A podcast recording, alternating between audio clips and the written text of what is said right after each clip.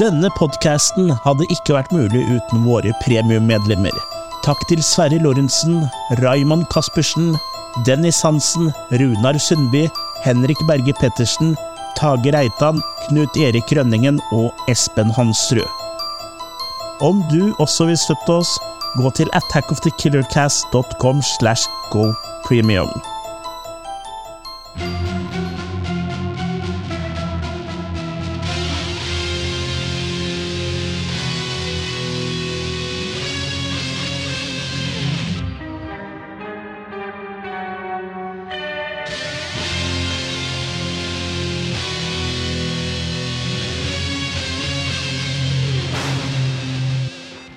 Happy New Year! Happy Miss New Year, Miss Sophie. Godt nyttår, folkens. Du har valgt å høre på Attack of the Killer Cast, en norsk podkast hvor vi snakker om uh, filmer. Uh, da gjerne skrekkfilmer, kultfilmer, sci-fi uh, og B-filmer, og egentlig ja, det vi måtte ønske å, å prate om, da. Vi gjør som vi vil. Vi gjør som vi vil. Vi er Vi Gjør som Annema vil. Annema. Ja, det var Vi, vi klarte eh, nesten halvannet minutt før vi begynte, eh, begynte med Annema-referanser, og det vet jeg at det, det, det er jo det er ikke noe som liksom på en måte er mer kultfilm-cred enn å snakke om Annema, men ja, ja. Eh, kanskje vi skal ha en sånn egen Annema-spesial eh, en gang? An animema. Du kan bedre enn det der. Eh, Du bør, du bør ta og gi eh, manusforfatterne og formutterne dine sparken. Okay. Ja.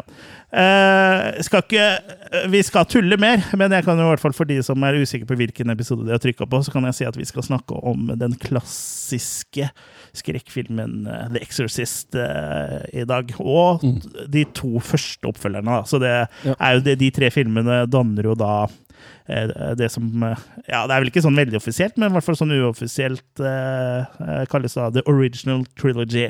Det finnes jo også en prequel-trilogi, og så er det jo også en Planen i hvert fall var at det skulle komme en sequel-trilogi, og det har jo kommet én. eh, The Exorcist Believer, mener jeg den heter. Mm. Og han eh, som sto bak den, eh, det er jo han eh, samme som eh, ødela Halloween med tre nye filmer, og han har jo fått sparken, så jeg er litt usikker på hva som skjer med de Om det kommer to til, da. Men uansett. Send, eh, tilbake med Pine, Pineapple Express, tror jeg. ja, ja, det er ikke han som Han var ikke involvert i Eller lagde han den filmen? da? Det er ikke han eh, skuespilleren Jeg husker ikke, men jeg mener det har noe med det å gjøre, ja. Ja, det er han ene av dem, men jeg tror ikke han her var involvert i Exorcisten. Faen, hva heter den? Brian Gordon Green, eller noe sånt noe? Mm. Eh, men ja, eh, tanken vår skal i hvert fall at eh, nå skal vi jo snakke om The Exorcist Original Trilogy. Og en eller annen gang down the line, som man sier på godt norsk, så skal vi snakke om neste trilogi. Mm. Og så til slutt den tredje trilogien, hvis, hvis det har kommet noe mer. Hvis ikke, så tar vi det som har kommet. Kanskje vi til og med tar en podcast om serien en gang. Hvem vet? Mm. Uh, Attack of the Killer Cast har holdt på i ti år, uh, så det kan jo hende at vi holder Huza. på uh, huza, i Det er bare å klappe seg, klappe seg på brystene. Ja. Takk, takk. Hvem hadde trodd, og så videre. Ja, hvem hadde trodd, og så videre. Uh, og ja, uh, faktisk neste episode så skal vi vie en hel episode til å mimre litt og snakke litt om oss sjøl. Mm. Så det blir jo bra. Det Eh, vi så- kan best. Det vi kan best, ja. Selvskryt. Nei da, men eh, det har jo vært en reise. Men eh, det kan vi jo snakke om mer i neste episode. Bare sånn veldig kort, jeg kan jo nevne at jeg kom i skade for å si at jeg skulle skrive en bok om Killercast. Ja, og om trash-filmer. Ja, men det, det jeg kan si, er at det ble en lydbok. ja. Ja. Som så kanskje blir en bok. ja, men eh, det er, ikke, det er bare lyder inn, sånn prompelyder og sånn, ikke sant? Ja, det beste og innvendige lyder. Så det er Kurt som har stått for lydene. Foley. Alle gleder seg til det, men du vet at en Og god Foley og bok Grip igjen av samme person. Nei, det er det vel ikke. For en grip eh, kan jo gjøre veldig mye, men det er som regel i, på opptak, da. Det er vel veldig få filmer Det hadde vært artig å se hvor de hadde tatt opp Foley live. Ja, At det sitter en fyr i rommet ved siden av. Liksom, duk, duk, duk, duk, Som de gjorde i gamle dager. ja. Lydeffekter til filmen. ja, da det var jeg Ja. på. Ja. Eller, eller at det hadde vært filmen. Foley the Movie. Mm. Axel Foley. Mm. Eh, men ja, eh, hvordan, har- hvordan har jula Og nå rapa jo Jørgen sånn skikkelig høyt og sånn. Og, eh, og det, det satte meg si det, ut så eh, litt, men eh, garantert så, Jeg har litt lyst til å bli sånn folie, skjønner du. så høres aluminiumsfolie, da, eller? Mm. Men antagelig så kom ikke den rapen med. Nei, for mikrofonene våre plukker ikke det opp. vi kan legge Du som er sånn lydtype, det er jo dine mikrofoner. Hvorfor kommer ikke rapen med? For det er dynamisk mikrofon, den har ikke kondensatorforsterker. Eh, Det er sånn du må nærmere for å få høyere lyd. Ja. Skjønte du det, Kurt? Ja, ja, Ja. Pleier å si det hver gang, ja. Du går nærmere fra høyere lyd. Ja. Ja, nå har vi sklidd det, Vi har sklidd ut allerede, men eh, ta det med ro. Vi skal snakke om film også. Men Mm. eh, ja, hvordan har det jula og nyttår vært da, folkens? Før vi går videre? Jo, det har vært bra. I hvert fall for min del. Den har kommet og gått, så det var bra. Ja, ja, Kost meg med masse mat og hele familien hadde jo en god dose med omgangssyke i, Ja, i romjula, så det var jo deilig. Dere fikk rensa sjelen, da. Kun Ja. lungebetennelse, ja. Ja, Det har jo også minsteguttungen min nettopp hatt. Brunøye er jo sjelens speil, har jeg hørt. Hvem er det du har hørt det fra? Meg sjøl. Ja, riktig. Det er den største filosofen eh, du vet om. Ja. Ja, men jula og nyttår har vært bra for deg også. Det har det. Og jeg feira nyttårsaften i Halden og traff og snakka med selveste Bahare. Mm. Men jeg syns hun skal kalle baren sin for Bahare Bar Ja. istedenfor Grand Hotel Bar. Ja, det syns vi egentlig alle. Ja. Ja, jeg er enig i den. Nei, så jeg, jeg vurderer å begynne å trene på samme helsestudio som henne og sånn i Halden. da. Mm. Det har ingenting med at hun trener i Halden å gjøre. kan ikke du bli sammen med henne? Det- Dere hadde vært et flott 30. par. Det må bli litt tørr bak øra, som jeg pleier å si.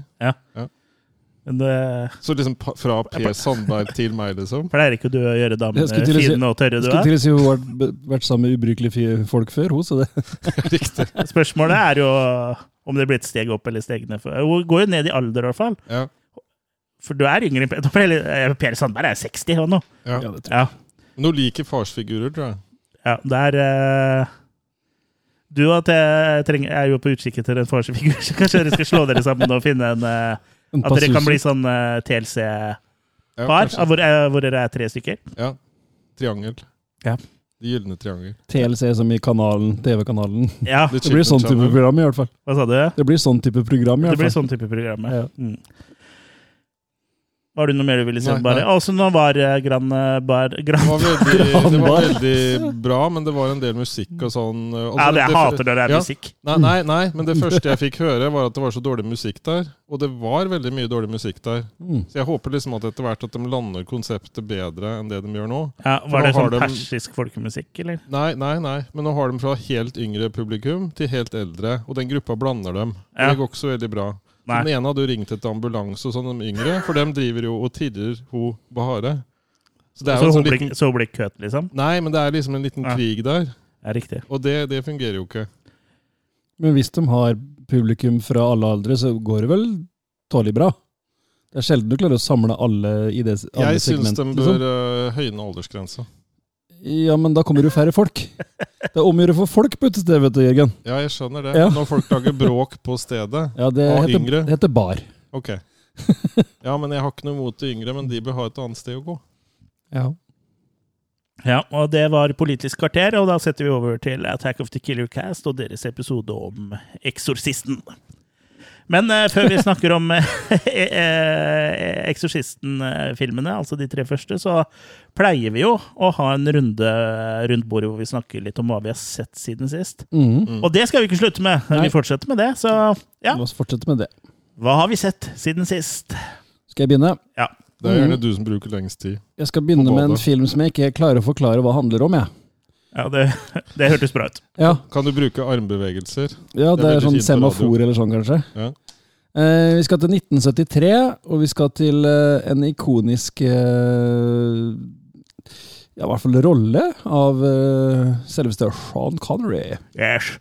I must stash you a question, but I'll save it for later. Shave. Shave it for later. Bond, James Bond. Så i 1973 så, så samarbeidet han med regissør John Borman, og han skal vi faktisk stifte nærmere bekjentskap senere i, i, i kveld, holdt jeg på å si. Mm. Eh, og lagde en film som heter Zardoz. Zardos. Ja. Og den er også så bisarr, så eh, en sånn litt rask måte å forklare på er at i en eh, dystopisk framtid så er menneskerasen delt opp i to forskjellige kategorier. De med og uten mankini. Ja, ja nesten. det er ikke så langt unna sannheten. For mankini-folket er liksom en slags, slags sånn undermennesker som tror på guden Sardos. Som det er en annen rase mennesker som på en måte styrer, da.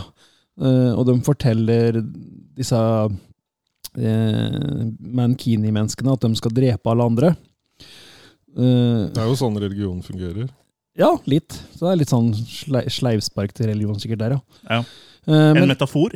men en dag så klarer Sed også å lure seg inn, for den, den guden det er et sånn slags fly, flyvende hode. eh, som kaster ut eh, masse gevær til disse undermenneskene for at de skal drepe hverandre. Men en dag så klarer han å snike seg om bord, han Sed, han Sean Connery. Bra låttittel. Det flytende hodet. Ja, og bli med det hodet tilbake til der det kom fra. For å liksom prøve å finne ut av Og der er det en annen type mennesker som er egentlig masse mennesker som kjeder seg. Kan vi si de har mista hodet litt? De har mista hodet. Nei, de fikk det tilbake igjen.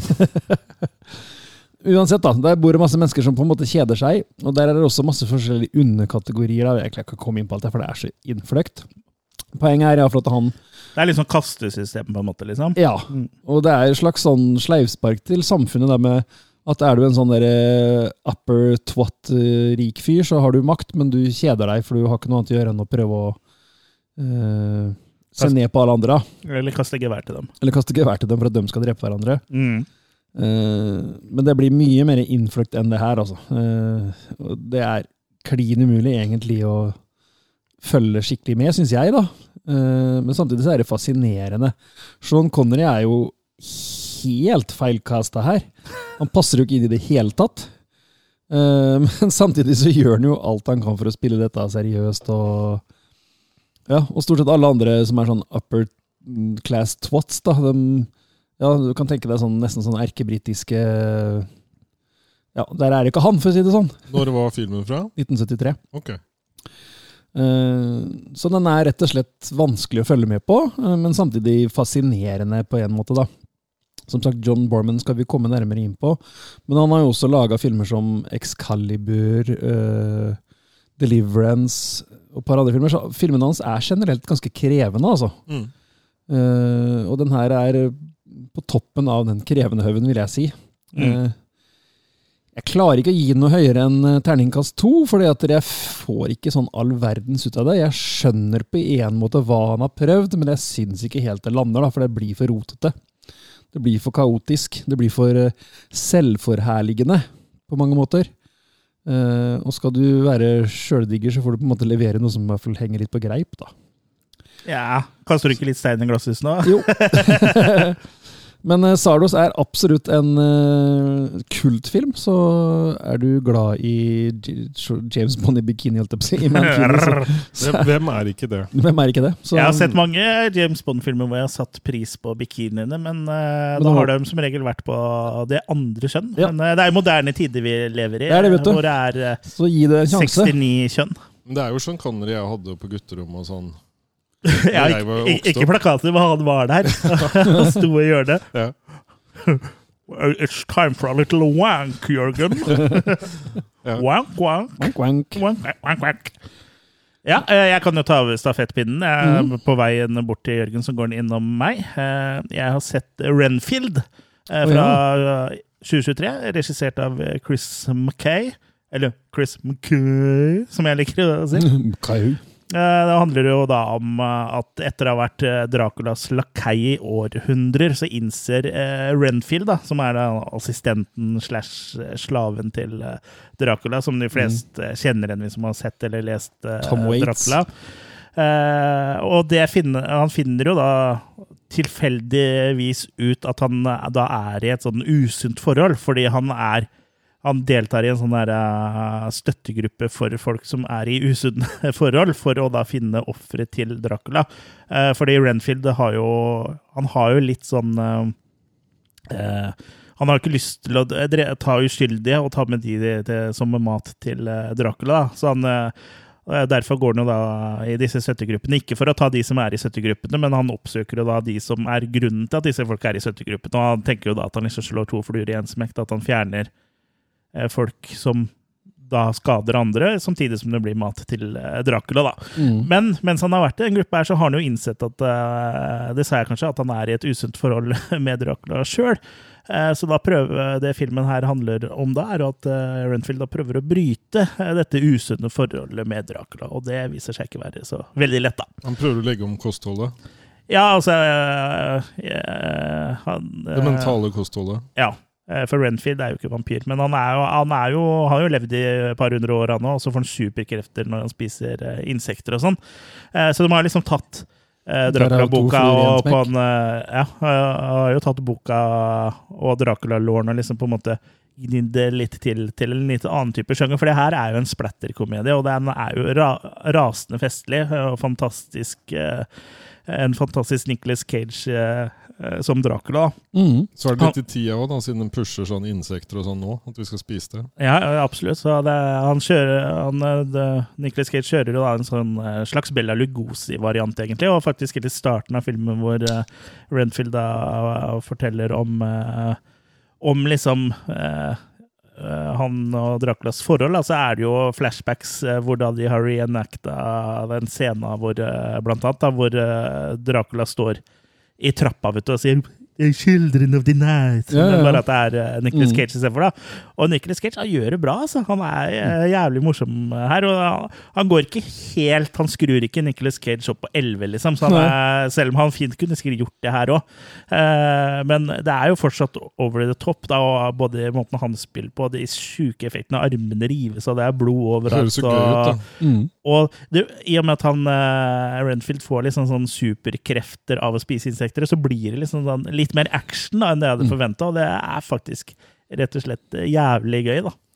Uh, morsomme kills og bra humor. Ja. Den tok meg litt på senga. Jeg hadde ikke forventa at den skulle være så bra. Jeg har hørt at mange har sagt den er kul, men Mm. uh, det er ikke alltid det på en måte innfrir, da, når jeg har hørt at folk skryter av en film. Så det her er lett en, en terningkast eh, fem fra meg, altså. Mm. Mm. Mm.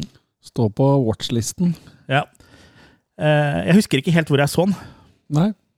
Jeg husker Om jeg så på streaming eller Blu-ray eller det. Jeg vet om det er å streames en plass, men jeg husker ikke mer. Jeg husker aldri hvor. Nei. uh, det kan jeg jo fort uh, Plus, kanskje? sjekke, uh, kanskje. Men eh, Jørgen, har du, Ja. har du noe du vil bringe til eh, torgs? Jeg har jo det. Um, I slutten av året i fjor så var jeg jo på testvisning uh, for De gjenvendte. Jeg har jo sett uh, De gjenvendte. Jeg har anmeldt De gjenvendte. Som det er en norsk uh, zombiefilm som, uh, Som låner uh, skrekkelementer uh, til å være en slags uh, sosialdramafilm, vil jeg egentlig si. Ja, som egentlig mange zombiefilmer har gjort før. som Night of the Living Dead og Dawn of the Dead. Ja, Så jeg var med på filmpremierefesten på Odeon, hvor han blir vist nå før han blir offisielt lansert på kino 26.1. Ja, I mm. Oslo, eller?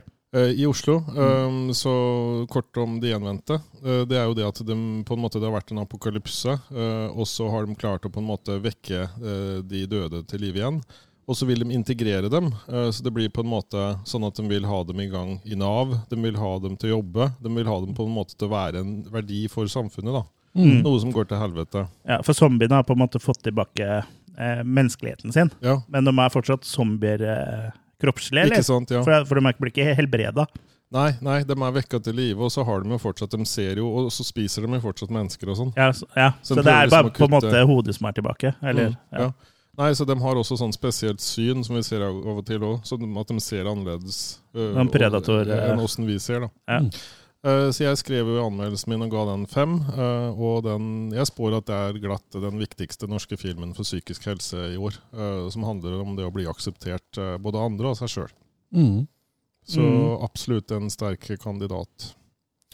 Eh, videre så har jeg også sett Nå skal vi ikke gå runden, kanskje? Jo, jo, men Ja, jeg, jeg, Jeg jeg skjønner, skjønner at dette er ny- nytt for deg. Men kan du si litt mer om hvorfor du sånn, syns at de eventet er bra, utenom det med psykisk helse og hva for noe annet. Jeg kan jo begynne by med sminka. Det er veldig Ja. bra Mm. sminka. Eh, Det ser naturlig ut med sår og sånn. Eh, Jeg har skrevet med ene- bringebærdrøm eller sånn? Ja, ja, ja. Eh, Jeg har skrevet litt med henne og sånn, og det er en fantastisk jobb, det hun har gjort. Bringebærdrøm er det hun med rosa håret. Ja. Ja. Hei til deg. Ja. Til deg. Ja. Nei, så, Vi vet hvem du er, og du Mm. vet sikkert hvem vi er òg. Vi har sett deg på Ramaskrik. Ja, og kommentert på uh, sida våre Mm. Nei, så Ut ifra at dette er en film til to millioner uten statsstøtte, så er det Jeg syns det er flott hva de har fått til. De har brukt et sånt red helium-kamera, og det bildekvaliteten ser bra ut, lyden er bra miksa, musikken er bra, skuespillerprestasjonen er bra. Særlig han som spiller Arg, da, som er liksom en zombie som bare bruker mimikk og sånn. Det, det er helt imponerende. Mm. Så bra. Mm. Renfield kan eh, streames på Sky Showtime. Det Så den. der er jeg sånn. mm. Så er den også eh, på TV2 Play og Viaplay og Ja, det er sånn diverse, som det- leiefilm, da. Det kan leies, ja. Ja. Kan leie med én hånd eller to hender. Kurt? Ja, eh, jeg skal litt nyere til verks, holdt jeg på å si, fra forrige filmen eh, jeg snakka om. Jeg får nyere enn de vi snakka om. Hadde vært vanskelig. Ja, Det var vært veldig vanskelig. Eh, Men jeg skal til 1977, så det er ikke så mange år etter Zardos. Jeg skal til en film som heter The Pack, regissert av eh, Robert Klaus. Han er vel kanskje mest kjent for er Enter the Dragon, tru? Å ja. Ja. Eller om det er den andre Dragon Nei, det er for en Bruce Lee-film. Jeg mener det er Enter the Dragon. ja. Jeg er ikke så kjent med Robert Klaus, Mm. men jeg er jo kjent med Bruce Lee-filmene. Eh, The Pack er en film uh, om feriestedet Seal Island, eller feriested. Det er sånn slags sånn hytteplass hvor alle folk reiser på sommeren og, og er på hytta. Eh, og så drar de hjem igjen eh, etter ferien. Eh, og det er visst dessverre veldig vanlig der at folk tar med seg eller skaffer seg en feriehund. Som de da bare setter ute i skogen når de drar hjem igjen. Og etter hvert da så danner disse hjemløse hundene De samler seg jo og lager en slags ja, pack, da. En, Ja. Blir en sånn horde. Eh, og hva gjør de da etter hvert som de blir eh, Et kull, rett og slett. et kull, ja. Og Ja. hva gjør de da når de blir etter hvert eh, både utarma og sultne? Og jo, de attakkerer menneskene som bor på den plassen der. Klart det. Mm. Så det handler rett og slett om eh, å eh, verge seg mot eh, en hel haug med killer dogs. Eh, Legg merke til 1977, så det er ganske mange år før Kujo, f.eks. Ja. Mm. Eh, samtidig som han Jeg vil jo si at Kujo har mye til felles med den, selv om det bare er én hund der, da. Og den har vel uh, rabid. Det er jo rabies inne i bildet her òg. For det er jo tross alt hjemløse hunder. Uh, men den har nok mer til felles med en del av andre sånne killer animal-filmer som var populært på 70-tallet. Sånn som Grizzly og Food of the Gods. Mm. Det kom ganske mye blant, etter Haisommer, egentlig. Så ble det populært med killer eh, animal-filmer. ja. Den her er nok i den uh, sjangeren der. Minner meg også litt om filmen eh, Kingdom of the Spiders med William Shatner. Og der er det ja, spiders, edderkopper, som dreper. Her er litt av samme stemningen, at de må liksom prøve å barrikere seg inn i et hus for at de bikkjene ikke skal få tak i dem, og må liksom prøve å legge en plan for å rømme og komme seg ut Ja. i livet. Eh, Så jeg likte egentlig The Pack ganske godt. Eh, Da får den høy karakter, da.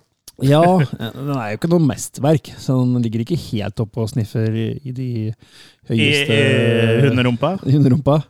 Nei, for der lukter det. Mm. Men jeg er nok oppe og gir en, eh, en sterk firer, altså. Jeg likte veldig godt The Pack. Syns det er en sånn type film som eh, ikke lages helt lenger. Og 70-tallet hadde en egen sånn eh, stemning, da, når det gjelder den type, type film. Eller filmer generelt, egentlig, på 70-tallet. Ja, Eh, han har forresten regissert både Enter the Dragon og Game of Death. ja, riktig. Det kan du se. Det kom mye bra på 70-tallet. Sånn hint, hint. Ja, Meg, for eksempel. Ja, og, ja du er eh, hva, hva er det heter for noe? Eh, regelen som bekrefter Det er unntaket som bekrefter regelen. Ja. Ja. ja. Yep. Så- Da kan jo jeg eh, ta over stafettpinnen. Jeg har sett mye moderne. ikke moderne kunst, liksom en nyere film da, den gangen eh, her. Jeg har sett The Nun 2, eh, som også er fra i fjor. Regissert av Michael Michael Chavez. Og den handler jo The Noon. Eh, The Nun To, Og den handlinga her er jo lagt i fire år etter hendelsene i det forrige The Nun-film, da. Eh, En prest blir brent levende, eh, mens han tilsynelatende blir korsfesta i lufta inne i kirken. Ganske- Samtidig. Ja, altså bare henger i, i løse lufta i en sånn korsfestelsesposisjon, da. Såpass. Mens han brenner. Så det er ganske kule bilder. Litt sånn eksorsist-vibes. Mhm. Han leviterer. Mm, ja, riktig. Eh, også, Det er jo nonnedemonen, da, bedre kjent som Valak eh, fra forrige film, som er på ferde igjen. Og søster Irene, eller Irene da, på godt norsk, eh, som da overlevde hendelsene i forrige The Nun-film, får da i oppgave å undersøke saken nærmere av kirken, fordi hun da er den eneste som har noe erfaring med det her. da, Og, og hun har jo, er jo den eneste som har overlevd i møte med Valak, da. Eh, Wallach betyr jo også, eh, så vidt jeg, jeg mener å huske, en eh, kastrert eh, mannehest. Oh, ja. Men det har jo ikke noe er, Så han skuespilleren Eli Wallach, for Eli betyr far, tror jeg, så det betyr faren til en, en, en kastrert hest? Ja. Så ikke, ikke ta alt vi sier her som god, for god fisk, da. Og det trenger ikke renne ned Ta det for råtten fisk. Ja, ta det så. Trenger ikke å renne ned eh, kommentarfeltene på Facebook heller. Mm. Jeg har jo sett alle filmene i The Conjureverse, dvs. det vil si alle eh, The Conjuring-filmene og spin-offene. Mm. De kalles jo liksom en sånn paraplybetegnelse, fordi det er jo The Conjureverse, fordi det er jo i samme sånn Conjuring, ja. Jeg kan vel si at det her ikke er den dårligste eh, filmen i uh, Conjure-verset, men det er ikke den beste heller. Eh, men eh, jeg syns den her eh, likevel har mer for seg enn eh, forrige The Nun-film, som jeg syns var ganske bedriten, egentlig. Ja, for den går vel for en av de dårligste igjen, gjør det ikke det? Sammen Jo. med den derre Ja, la, ja, La, Lo- Llorona var ikke så dårlig, men eh, det, var, det er en av de Nå husker jeg ikke hvem av de, men det er en av de Annabelle-filmene også som går for å være eh, ganske dårlige. Mm. Eh, men eh, det blir ikke noe mer enn middelmådig der. Altså, det er liksom Det er greit nok, det er underholdende mens du ser på det og knasker i deg noe popkorn og, og det, i den uh, halvannen til to timene det varer, liksom. Og, og så er det fort glemt, da, men det er liksom helt greit mens det pågår. hvis du skjønner. Så det er ja. Sånn som Nei. Ja, si det. Sånn som samleie med meg. Helt greit mens det pågår. Ja. You, you wish, you wish. Men uh, ja, du vet hva du får, da, i, i likhet med samleie Er med det meg. er det det det heter hvis man leier noe sammen? Samleie? Ja. Uh, helt ålreit popkornfilm. Tegnekast uh, tre. Mm. Så helt greit, liksom. Det er verdt å se hvis du har sett de uh, andre, da. ja, jeg har falt litt bakpå der òg, gitt.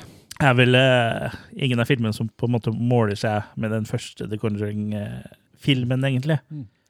Jeg likte begge de to første like godt, egentlig. Men ja. Ja, jeg likte den første litt bedre, for den føltes litt mer sånn uh, Fresh.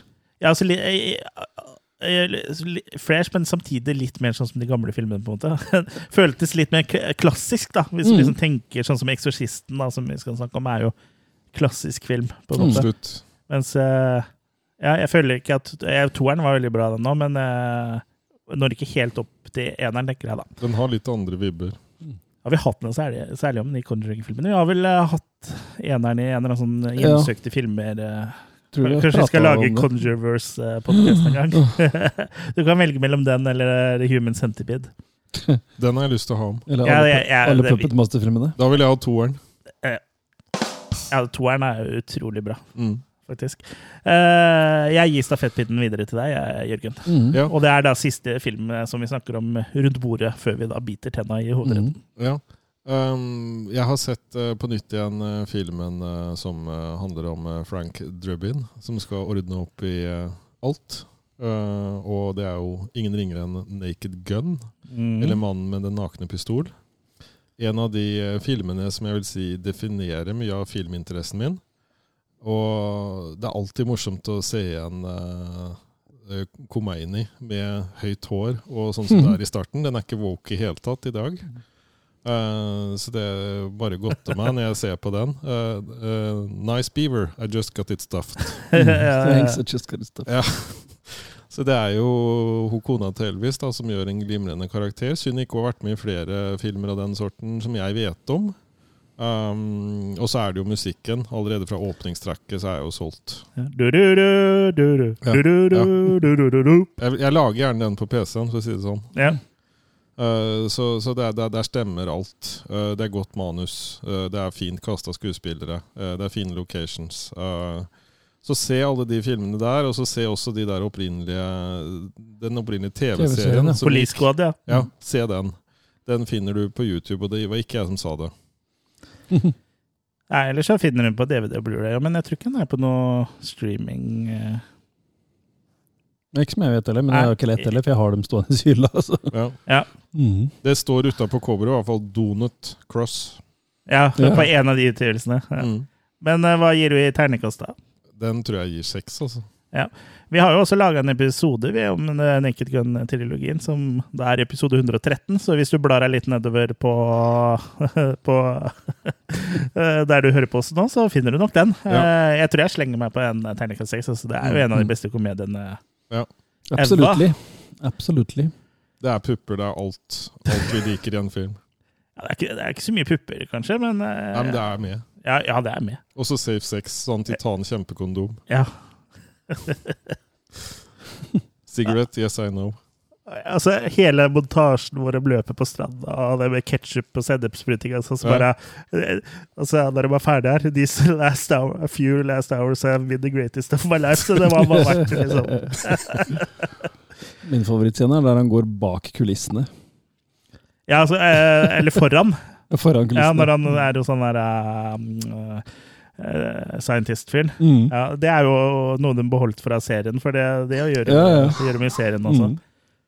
Husker ikke, Er det ikke samme fyr som er med òg der? Lurer på om han uh...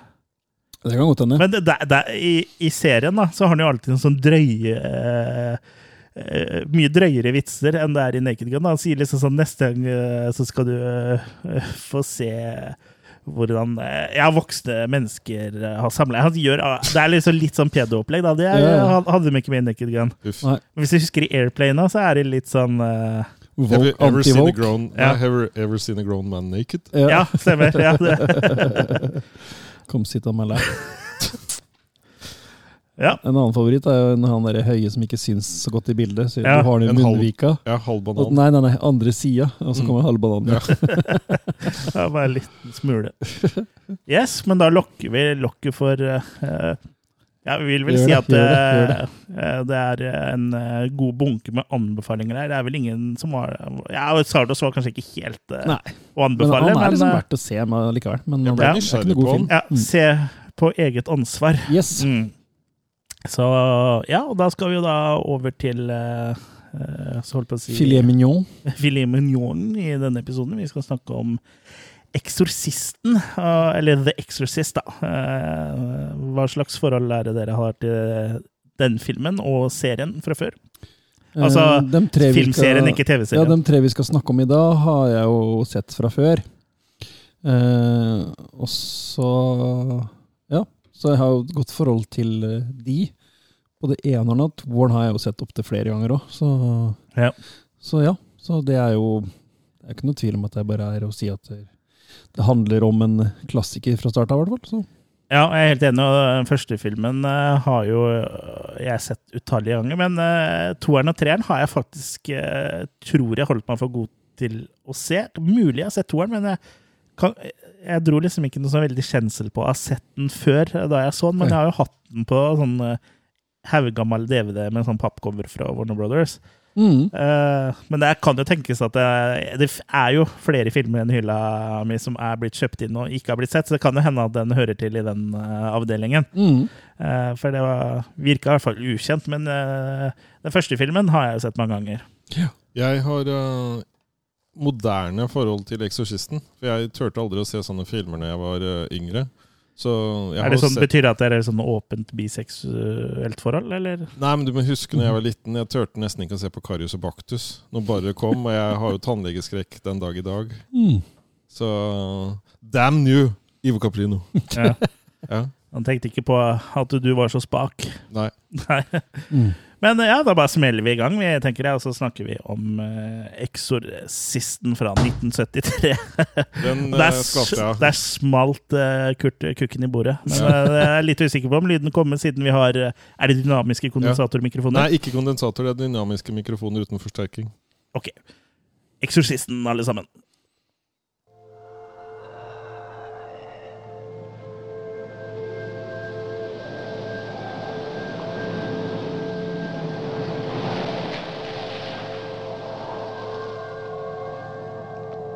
Something beyond comprehension is happening to a little girl on this street, in this house. A man has been sent for as a last resort to try and save her.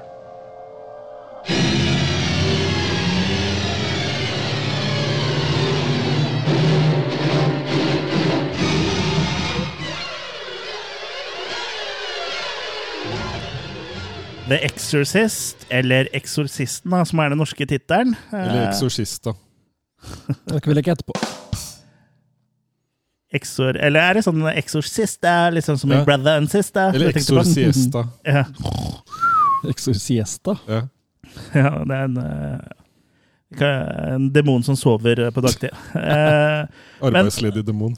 Men Eksorsisten handler jo da om eh, den tolv år gamle Reagan, eh, eh, som da spilles av debutanten Linda Blair. Mhm. Lille Reagan er besatt av en eh, demon, eh, vil det vise seg. Og oppgaven da med å undersøke dette tilfaller presten Damien Carras, spilt av Jason Miller. Damien er da en prest som sliter med egen tro. Han vurderer egentlig bare å trekke seg fra hele presteyrket og, og religion, egentlig, fordi hans mor da er, er sjuk, da. Eh, men ja, han får jo da oppgaven med å undersøke denne unge jenta, og forstår raskt at det er, her er noe han ikke kan håndtere aleine, så han får jo da hjelp fra Father Merrin, eh, spilt av Max von Sydow. Og Merrin er jo da en eh, en merittert prest da, som har da eh, utført en og annen eksorsisme før. Ja. Filmen er basert på William Peter Blatty sin roman med samme navn fra 1971. eh, Som igjen da er inspirert eh, visstnok av en eh, påstått ekte eksorsisme, utført mm. på en 14 år gammel gutt i 1949. Eh, Det som er litt sånn eh, Det er ikke så ofte det skjer. Det er hvert i hver- Eller jo, det hender jo. eh, Nå kommer jeg jo faktisk på, skulle jeg til å si, i hvert fall ikke på 70-tallet, men kanskje det skjedde oftere på 70-tallet enn nå, at eh, det er forfatteren eh, og formutteren av boka som også har skrevet manus. Mm. Jeg kom til å tenke på at det skjer jo ikke, så kom jeg til å tenke på Gudfaren, hvor det også det har skjedd. ja. Og i nyere tid så er vel Stephen King er vel også en som skriver manus noen ja. ganger Mm. av sine egne bøker. I Men ja. hvert fall til den egne versjonen av Shining. Ja. ja. Han har jo også skrevet flere screenplays. eh, Men ja, det var i hvert fall Blatty da som eh, Det var jo tydeligvis en suksessfull eh, bok. eh, Ja. Men eh, filmen, eh, uten å forgripe eh, hele greiene, så kan vi kanskje si at den er hakket mer eh, For jeg hører ikke, er mer eh, suksessfull, for jeg hører liksom ikke noen snakke om boka, sånn i forhold til The Shining og sånn, hvor folk fortsatt drar fram boka, så Nei, jeg husker jeg hadde en sånn der sånn eh, paperback-versjon av den, husker jeg, i gamle dager. Så den var å få tak i, i hvert fall ja, selv her Det er den sikkert ennå, sånn men jeg hører liksom ikke sånn å, du må lese boka. Liksom, Nei. sånn, eh, Nei, jeg vil tro filmen har hatt større impact enn boka, ja. ja, så det kan jo tenkes at boka på en måte hadde vært glemt hvis ikke hadde vært for uh, Kan godt hende det. filmen. Men det, det blir jo Jeg har ikke lest boka heller. Du hadde jo lest den, eller bare hatt den? Nei, jeg husker jeg hadde den, jeg husker ikke om jeg leste den. Nei. Husker rett og slett ikke. Men uh, Blatty hadde jo litt sånn ønsker og sånn uh, for hvem som skulle regissere og lage denne filmen. Og han ville ha William Friedkin til å regissere, fordi han Mm. eh, eh, mente at han kunne liksom få en sånn realistisk, liksom dokumentarisk fil på filmen. Mm. Uh, for Friedkin og hans faste eh, DOP, altså Director of Photography, eller fotograf, for å si det enkelt, men ofte Mm. så er det jo fotografer under DOP-en og sånn også, men eh, de kaller det jo Director of eh, photography, da. Eh, Owen Romsman. De likte å skyte filmene sine, for de samarbeida jo da på flere filmer, som, Pew, som da regissører og fotografer ofte Regissører bruker ofte de samme folka. Mm. Eh, de likte da å skyte filmene eh, sånn at det så ut som det bare var naturlig lys. da. Ikke nødvendigvis eh, at det var naturlig lys, for ofte med sånn 35 mm-kameraer så krevde jo de ganske mye lys Mm. eh, for at du skulle, hele tatt skulle få bilde på celluloiden. da. Men uh, de likte da liksom å lyssette det sånn som det så ekte ut, istedenfor at alt ble sånn helt uh, At alt er Ja, ja. like lyst, da. på en Mm. måte. At det liksom så ut som lyset kom fra den taklampa, kom fra det vinduet. Kom fra det utelyset hvor fader Marin står under og Ja, ja. Uh, men uh, studio satt seg, Warner Brothers satte seg litt på bakbeina, da, for de, de hadde ikke lyst til å gå for han. Helt til da French, eh, The French Connection, da, som var eh, en film eh, Friedkin regisserte, vant mm. Oscar for beste film. Og da, Da var den bra nok. da var den bra nok. Hva sa du? Med Gene Hackman. Ja, stemmer. Det er en film som jeg har hatt på lista mi lenge, som jeg aldri har fått rota meg til å se, for øvrig. Ja, veldig bra. Ja, eh, Begge to, egentlig. ja for den har en oppfølger også, den. Yep. Mm. Men i filmen da, så finner vi da som sagt eh, hovedpersonen her, og kanskje den aller viktigste rollen er jo da Reagan, da. Eh, altså den unge jenta som er eh, blitt besatt av en demon. Mm.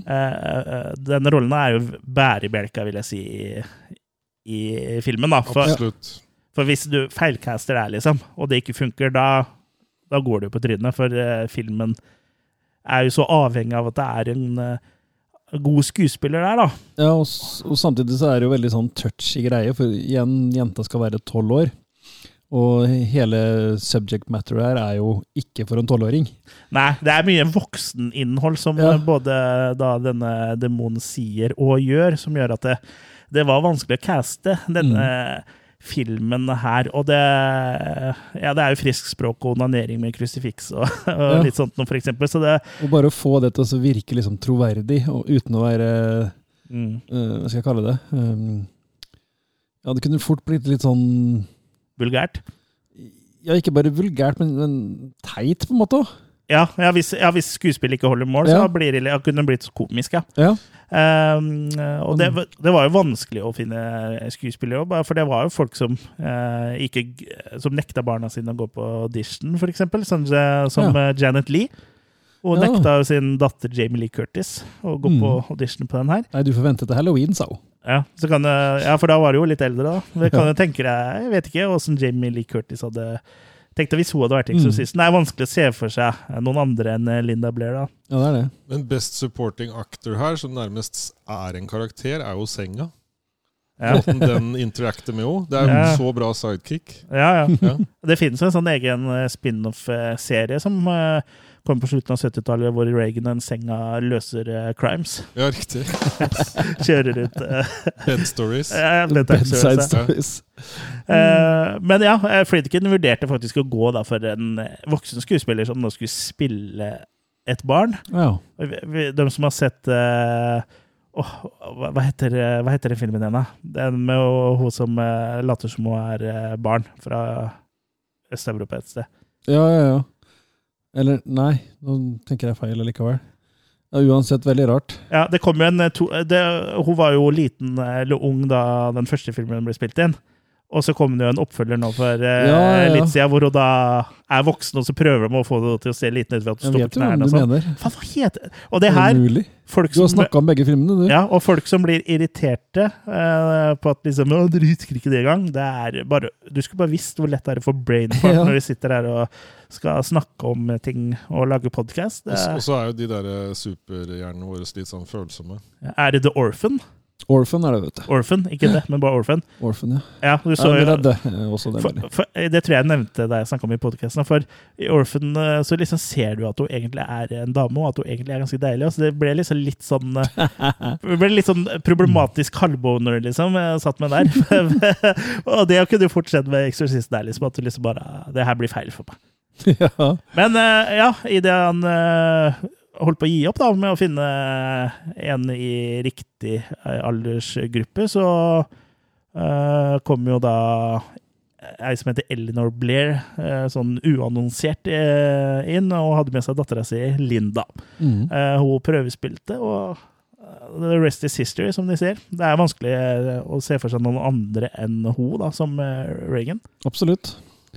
Hun har sjøl fortalt uh, fra innspillinga hvor godt hun ble tatt vare på, og hvor egentlig lite hun skjønte av dem, en del av de krevende scenene hun gjorde. da. Uh, det ble gjort på en sånn måte at det, skulle være Kall det koselig for henne. Ja, Eller at det var trygt og, og ikke noe skummelt for henne. Ja. Men samtidig så er, sier jo det litt om hva Friedkin har klart å lage ut av det. da. For det ser virkelig ikke safe ut i det hele tatt i filmen. Nei, og det var jo ikke så safe heller, for hun og jo noe ble jo brista nå. Jeg husker ikke om det var ribbein eller ryggen, eller hva for noe, men når du blir kasta fram og tilbake i en senga der og Ja, ja. sånn, så det Men øh, ja, hun var vel litt sånn Hun ble vel beskrevet som litt sånn ung, uskyldig og øh, naiv. Jeg har jo lest at han Friedkin spurte henne liksom øh, Hun var jo 14 år da da hun spilte, hun spilte Mm. tolvåring, men uh, var 14. Om øh, før den scenen med det onanering av korset, om hun visste hva onanering var. Liksom, ja, ja, ja, Ja, sånn her, sa hun. Ja, nesten. Og bare sa ja, ja, ja, det er når du tar opp på tissen, og jeg gjør det. Og så bare gjør ikke du? Liksom bare så, jeg er litt sånn eh, ung og nei, da. Men jeg må jo si at eh, hun hadde jo ikke noe skuespillererfaring, eh, bortsett fra at hun hadde én liten rolle i en såpeserie. Så hadde hun vært Mm. noen sånn fotomodell, men sånn eh, Og gjør det utrolig bra, for det det er ikke ett snev av dårlig skuespill her Nei. fra henne, liksom. For det er jo veldig fort med sånne barneskuespillere at det blir uh, jævlig Mm. dårlig. Og det er jo en sånn saying også blant uh, filmfolk. Det er 'never work with children uh, or Animals. animals', liksom. Og, og det er jo en grunn til det, fordi det er jo krevende å få det du er ute etter. Men her Mm. er De lander det så bra, overgangene, eh, når de bytter ut eh, skuespillere med henne. Alt føles ut som det går i ett, der det er en sånn puppet. Eh, Det bare funker. Mm. Ja, ja for det, er, det er jo hele pakka eh, som eh, gjør det bra. Men eh, ja, det at eh, det er jo fullstendig troverdig òg, da, at hun hun spiller jo mesteparten av eh, Reagan sjøl. Det er noen sånn stuntdame her innimellom. Mm. Eh, men hun, hun gjør det på Og så er jo stemmen fordreid, og så er det, er det vel noen som har noen voiceover og sånn, men eh, eh, ja, hun gjør, er veldig overbevisende da, når hun går da fra en tolvåring til at hun er eh, besatt av eh, demonen på Suzu. da. Absolutt. Vi er med på overgangen. Ja, så uh, Den filmen her er jo 51 år i år, og det, Ja. det, det fø, f, f- føles ikke sånn eh, når man ser den. da. Den holder seg like bra som deg, Kurt. Ja, det kan du se. Mm. Jeg er nesten like gammel nå. Og så ellers eh, på uh, rollelista så har vi det Ellen Burstyn, da, som spiller eh, moren til Reagan. Mm. Eh, hun er vel kanskje mest kjent for The Last Picture Show, sånn pre-eksorsisten i hvert fall. Og har etter Eksorsisten spilt i blant annet Alice Doesn't Live Here Anymore og Requiem for a Dream, da, som eh, kom i 2000. Ja, den har jeg ikke sett. Nei, Ikke, eh, jeg har begynt å se den, men den, den, er ganske, den inneholder ganske sterke ting, jeg har skjønt. ja, det er jo en Vodka? en det er jo, ja, det er jo en eh, ganske bra film på narkomisbruk. Mm. Den ligger på topp 250 på IMDb-lista, så den står på Jeg så den på kino eh, på Evjemoen militærleir da jeg var i fø- førstegangstjeneste. Ja. Så det betyr at den er fra 2001, antagelig. Ellers så, var- ellers så var den bare ikke helt ny. Mm. Eh, Men ja, hun, Ellen Burstyn er kanskje mest kjent sånn i ettertid for å ha spilt uh, i Exorcisten. da. Mm. Og så har vi som sagt uh, tidligere nevnt Jason Miller i rollen som presten Damon Carras. Ja. Uh, Vil du si det at når han liksom kommer inn i handlinga her visst, Han visste ikke helt hvilken suppe han hadde bitt seg ut på? Det var vel grønn ertesuppe. Han tråkka i det suppa. grønn ertesuppe? Ja, tråkka Ja. litt suppe etter hvert. Mm. Eh, og som sagt, han er jo en prest som sliter med troen, da, og Mm. vurderer å av eh, si hele eh, religion og presteløfte og alt mulig. Men må jo da finne tilbake til troen da, i kamp mot på Susu. Ja. Og han- jeg syns jo han her òg gjør en god jobb. Han, Han er vel, god han jobb. er vel ikke noe sånn Han veldig kjent verken før eller etter? Nei. Ikke noen sånn eh, superstar, i hvert fall. Nei da.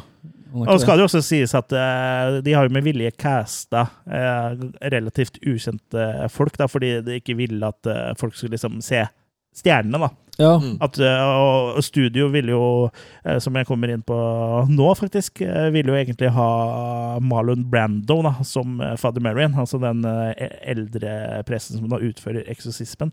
ja. Eh, Men eh, den rollen gikk jo da til eh, Max von Sydow, som er vel kanskje den eneste sånn ordentlig kjente skuespilleren her. Ja, og hvis Linda Blair er liksom en slags bærebjelke, så er vel han her resten av huset på mange måter. Ja. Han, og jeg tenker også at det, du sier at han ikke valgte kjente skuespillere ellers, og det er, er helt riktig valg. Men jeg tror Max von Sydow er valgt også fordi han har en aura over seg av seriøsitet, bl.a. blant annet med Ingmar Bergman sine filmer Mm, og det absolutt. der, da. Ikke sant? Og så skal han visstnok ha ligna på en eh, eh, prest som han eh, Blatty eh, baserte karakteren på, Ja, riktig. av utseende.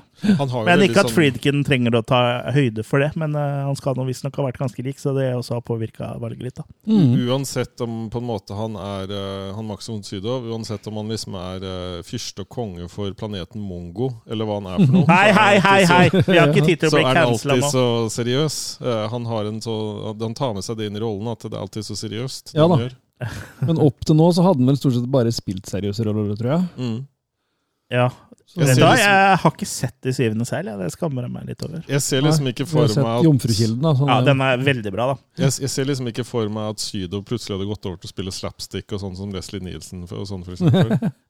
Nei. Jeg gjør nesten det i Flash Gordon, da. Ja, Det er vel så nærme han kommer. jeg tror det. Det er mer slapstick, nesten, for det, de er jo litt mer eh, Virker som de er litt mer klar over at det er campy. Eh, For det er jo det som gjør Naked Gun-filmene så bra, er at de ved Hvis du tar bort komedien, så er det jo fortsatt en film og en story der, og, Mm. Mm. og de, er ikke, de er ikke klar over humoren i det hele tatt. Men hvis vi hadde fått vekka han Sydow til live igjen, da, så kunne han spilt i de nye Rosa Panteren-filmene, kanskje? Ja. Jeg har ikke sett de nye Rosa Pant- Panteren-filmene. Jeg tror jeg har ikke noe Nei, altså De nye liker jeg ikke, men de nye, hvis det kommer noe nytt etter der igjen. ja, Jeg tror Harald Svart eh, drepte den. Ja. Mm. Men skulle det ikke komme med Liam Neeson? Naked Gun, ja. Naked Gun var det. Ja, De holder på uh, å skrive manus og sånn. Det er jo sånn Seth MacFarlane som uh, er involvert i det. Kult. Det kan bli bra hvis de passer på å ikke, at humoren på en måte er uh, ikke overforklarende, og at den er sånn tørr og fin. Mm.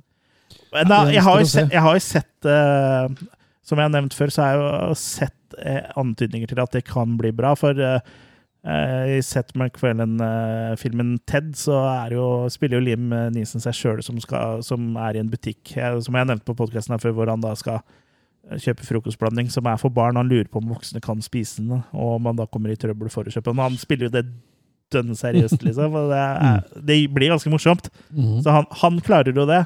Så Liam Neeson som Frank Drebin har jeg troa på. Det er manuset. Det, Ja, det er alt annet det står på, ja. ja, ja. I'm gonna track you down and find you, ulala. Hvem var det? Det var Liam Neeson Din som beste eh, Liam, fransk, ja. din beste Liam Neeson. I'm gonna find you and crash you. Jeg, Frans- Når det fikk han. Arnold eh, Hvorfor snakker han fransk liksom? Jeg vet ikke. Jeg har ikke Eller, eller hvorfor ble han Arnold impersonator? Ja. Han er jo fra Ire, eller Clouseau. Skottland, er han ikke? Ja, noe sånt noe. Ja, for du Clouseau. tenkte på Clouseau, du. Men Ja. du vet Naked Gun og Rosa Panther, er ikke det samme? Nei, men jeg bare kasta han til noe annet. Ja, ok. Du, du casta om, ja. Det var litt bortkasta. Men ellers, eh, i andre roller, så dukker det da eh, Det her er jo de viktigste rollene, men det er blant annet Lee, Lee Cobb, J. ja. Cobb dukker opp. Som lieutenant Kinderman. Ja. Og det er jo litt viktig videre, da, etter eh, ja. den rolla der. Ja. Eh, Selv om sånn- jeg føler at den rollen kanskje ikke bidrar så veldig mye i den eh, filmen, der, men Nei, litt eh, mer om det senere. Og så har Ja. vi da Jack McRonan som Berg Dennings, som også er en rolle jeg føler ikke bidrar Nei. all verdens.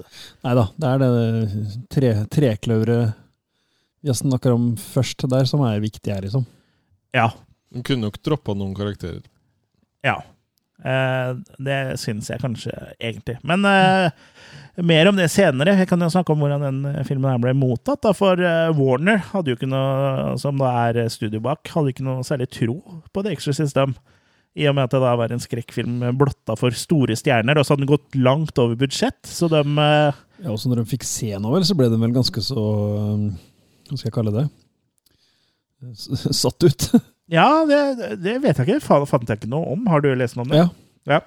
De syntes det var liksom altfor mye. Men Ja, eh, De hadde i hvert fall ikke tro på den, da. Eh, så Mm. de eh, satte den jo bare opp i 30 saler i hele USA. Og det var jo da antagelig for å Jeg vet ikke om det er noen sånn regel eller lov eller om det, noen finansielle greier at du må sette den opp, liksom. For det virker ikke som de hadde noe særlig tro på den når de bare setter den opp i 30 saler. Det er nesten Mm. sånn at du kunne lagt være. mm, For USA er jo svært. ja. Eh, Men filmen ble jo populær, da, og så måtte jo fort utvide til 366 saler. Og filmen ble jo en sånn så stor kommersiell suksess at det er, den holdt jo rekorden for eh, mest inntjenende skrekkfilm helt til eh, Jafskum. Nei, faktisk, med inflasjonen tatt i betraktning, så var det helt til It, faktisk. Oh, ja. I 2017, altså. Ok. Ikke TV-versjonen. Mm. Den er kanskje vanskelig å måle eh, hvor godt den gjorde. da. Ja. Jeg trodde egentlig Jaws gikk forbi det. I dollars så gjorde den det, men ikke når du tar med inflasjonen, mener jeg da. Det Mm. kan hende at informasjonen jeg sitter på Mm. er feil. Men ikke noe tvil om at det var en eh, pangsuksess da for uh, uh, Warner. Mm. Og så en sånn uh, liten sånn interessant side note, sånn apropos Før jul så hadde vi en episode om Foxy Brown. For her er jo en Jeg vet ikke om dere vet linken her? Nei. Nei. Det skal jeg fortelle dere, er at eh, Eksorsisten har eh, æren av å da ta livet av Blaxploitation som en sjanger. Oh, ja. okay. For det viser seg at eh, Warner hadde jo ikke eh, Det høres jo ut som det er noen sånn apartheid-stat vi snakker om her, men eh, Warner hadde ikke satt opp filmen i det de kaller for svarte nabolag. Da de ikke trodde at den var interessant, eh, at de ikke var interessert i filmen bare hvite skuespillere.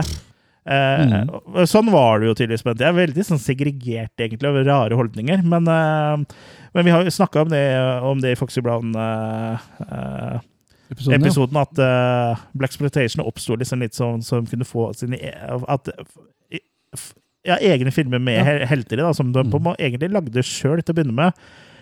Eh, men ja, siden Eksorsisten, at eh, de flokka til den også, så ble det liksom sånn konsensus om at det ikke var nødvendig å lage egne filmer til de fargene. Det høres så utrolig rart ut å si, men ja. Ja. Ja. Og Samtidig så skjønner jeg ikke helt det, for det kom jo mange flere Blaxploitation-filmer etter 1973.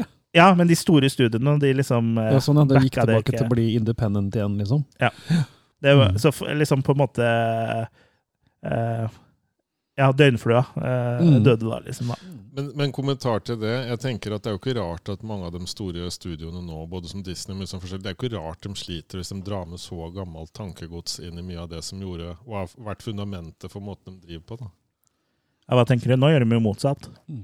Jo, jo, men eh, hvis en del av selskapene fortsatt har litt, rann, Nå, er det jo en, litt rann det gamle, nå gjør de jo alle til eh, laks Mm. Ja, nesten. Lille havfruen er uh, mørke i huden. Altså, for min egen del altså, spiller det ikke så stor rolle. For liksom sånn Det om uh, den lille havfruen har rødt hår og er blek i huden, eller har uh, krøllete hår og er eh, brun det, Havfruer fins ikke, så jeg Nei, det vet, vet liksom ikke. Det blir Og filmen er ræva likevel, det er noe annet. Ja, den er, jeg har ikke sett den. Nei, ikke jeg heller, men eh, jeg tror det er det folk reagerer mest på. Ja, og så er det jo mange som eh, blir irriterte fordi ting ikke er sånn som eh, de mener det skal være. da. Jeg er mer irritert på hvis de er sånn påtatt at det skal være mest mulig diversity. Ja, det er jeg enig i. Ja, sånn Det er jeg absolutt enig i. Det kommer nye serier nå fra liksom eh, Ja, si Ville Vesten, da. Hvor det er liksom svarte gunslingers som er helter og sånn. Og For all del, artig det. Jeg har ikke noe imot det i seg sjøl, men det var jo ikke sånn. Nei. Nei. en, eh, som en westernfilm, altså De fleste westernfilmer er jo ikke sånn veldig eh, historisk korrekte allikevel, så da går det på en måte greit. Men hvis, når det går inn for å være historisk korrekt, da blir det feil, ja. For, men sånn som at Will Smith spiller i Wild Wild West, det går helt fint. Ja, ja, ja. det, det, var Altså- ikke, det var ikke noe særlig steampunk. uh, I Ville Vesten, nei. nei. Men sånn som i Black Panther så fungerer det jo med en som er afro. Ja, men han har jo alltid vært det også, så det det vi- hvis en på en måte skulle eh, plutselig gjort han hvit, da Det Ja. er litt samme greia. Ja. Mm. The White Panther. Eller rosa, da. Mm. Men uh, at filmen var populær, uh, er ikke til å stikke under stol, det. Men den hadde jo også sine um, Hva skal jeg kalle det? Uh, folk besvimte i kinosalen og sånn. Ja, det var jo sterk kost, da. Det var sterk kost. Ja, det, det skjønner jeg, for den er jo fortsatt Veldig mange som gamle skrekkfilmer og sånn, lider jo litt av at liksom det funker ikke lenger, liksom. Fordi Mm, det, det er som funka Men eh, det her funker jo fortsatt, Ja. liksom. Like bra, vil jeg si, som Ja, det gjorde da. Så det er jo kanskje en av grunnene til at det, til at det her er eh, blitt den klassikeren det har blitt også, da. Mm. Jeg vil dra litt paralleller til Black Christmas, som også er ganske sånn guffen og ekkel, og øh, Ja. måten han er på. Mm. Mm. Da tenker du på den el- originale Ja, kanadiske, ikke sant? Ja. Mm. Den har fått to remaker, den. Ja, men den her gjør det liksom ja, Det er jo selvfølgelig effekter og sånn her, men det er mer et sånn Jeg skal beskrive det. ja. Den er på en måte mer ekte på et vis. Ja, Selv om det det er selvfølgelig er overnaturlig og sånn. Ja, og det tror jeg er mye av Mm. måten som eh, Eller grunnen til at Friedkin og han eh, fotografen Ja, ja. har skutt det på. Da, for det, det ser jo ekte ut. For Mm. hvis det på en måte hadde vært uh, lyssatt sånn uh, som de gjorde på tiden, med en sånn klassisk Hollywood-lys-setting, da, hvor alt liksom på en måte er Ja, og like så er det i 70-tallet, hvor det var sånn grelt og blast og Ja. Mm. Så jeg, jeg, jeg tror det liksom bidrar litt. Det føles litt mer ekte, rett og slett. mm. Men men, siste fra meg på det. eh, den kunne kanskje vært gjort enda litt mer sånn film noir-stil, kanskje, på det som foregikk ute, for å beholde litt det mørket som er i filmen. Ja, Men da hadde det ikke vært dokumentarisk lenger, vet du. For Nei, da blir det stilistisk, og da Mm. okay. Ok. og ja. Ja. Men nå er det jo veldig unaturlig belyst. ja, for det er jo veldig harde skygger, og liksom Mm. eh, et kamera plassert eh, der hvor taket egentlig skal være. For så du Jo, ser, jo, men jeg bare tenker på utedelen. Ja, Mm. men det hadde jo tatt deg Skjønner? det, det hadde jo sikkert vært kult, men det hadde jo De kunne Ja. filma når, når det var mørkt ute, da. Ja, det har de jo gjort. Når Fad alle kommer. ikke Ja, det er den mest scenen. Men at de konsekvent hadde mørkt ute, Mm. da. Men noe handling må jo foregå på dagen, da. Ja. Men her til lands så så var jo øh, også, hva skal jeg kalle det, kontrovers på den måten at de, de venta litt med å sette den opp, for de var ikke helt sikre på om øh, ja, hva slags aldersgrense og sensur og sånn. Norge var jo et land som etter hvert ble veldig mye sensur i. Ja, med Life of Brian ble jo forbudt. Ja, for En komedie Eh, men det hvor det er en fyr som ble korsfesta, som da levde samtidig som Jesus. Ja. Og hvor den, det endte opp med at de ga den ut uh, uten tekst på uh, bergprekenen, som er tatt rett ut fra Bibelen. Herlig. Men i hvert fall så, den her da, kom jo usensurert i 1974, kom på sommeren 1974. Eh, og I da kom Norge, kom uklippa, for Friedkin nekta å gi den ut i land hvor de hadde tenkt å sensurere det. Det er bra. det er bra. Så han sto på krava. Det er litt uh, alla Det er kanskje ikke lov med sånn humor. Eh, eller jo, nå har jeg sett på Gauteshop NRK, nå er det litt Ja. tull med alt. Å, deilig! Men du, eh, kan si at det er, du, du kan si at det er alla no. Alla karte og Ja. Alla eh, nå mista jeg tråden min, egentlig, fordi jeg tulla det bort. Jo, mm. eh, James Cameron er jo litt eh, Han gidder jo ikke gi Ja, ut det Abyss, bis uh, Mhm. 4K, Mhm. nyoppussa 4K-versjonen i England fordi de ikke har med den scenen med den eh, lille hamsteren eller musa eller hva det er som dyret. puster under vann. da. Mm. Uh, og ja, jeg er enig i det, liksom. Og det at de gjorde en feil vurdering da de lagde den filmen, eh, det kan eh, uansett tenkes, men Mm. Filmen er sånn, så jeg syns den skal være sånn i sin helhet. ja. Absolutt. Og folk eh, klager på Cannibal Holocaust og sånn, men jeg hører ingen klage på den der eh, bisonen eller hva det er for noe som blir eh, hogd i hjel levende i Apokalypse Now. Ja. Og hvor mange filmer er det ikke de dreper edderkopper i, eller til og med slanger har jeg sett dem kapper i to i filmer, og Ja, ja. Ja, nei, det er ikke så nøye. For meg var det bare en helt vanlig torsdag. Ja. Eh, men ja, eh, kritikere, da. Eh, det, var litt sånn forskjellig Noen lovpriste jo filmen og syntes det var det skumle som siden hadde sett. Mm. Det var vel en anmelder i Statene som også sa at det var den eneste skumle filmen vedkommende hadde sett. Mm. Og så var det noen som, en del som havna midt imellom, og så var det noen som syntes at det her var exploitation og en religiøs pornofilm. da, At det var liksom verste søpla du kunne finne. Ja. Det var jo en del sånne Hva heter det? Sånn øh, baptister, eller sånn ny Det er ikke nyreligiøst lenger, men øh, pinsevennbevegelser og de evangelske kirkesamfunna, da, Mm. som reagerte og, og ville ha folk til, til å ikke gå og se noe greier, og for det her var liksom uh, ikke representativt, da. Men jeg tenker, er det ikke det?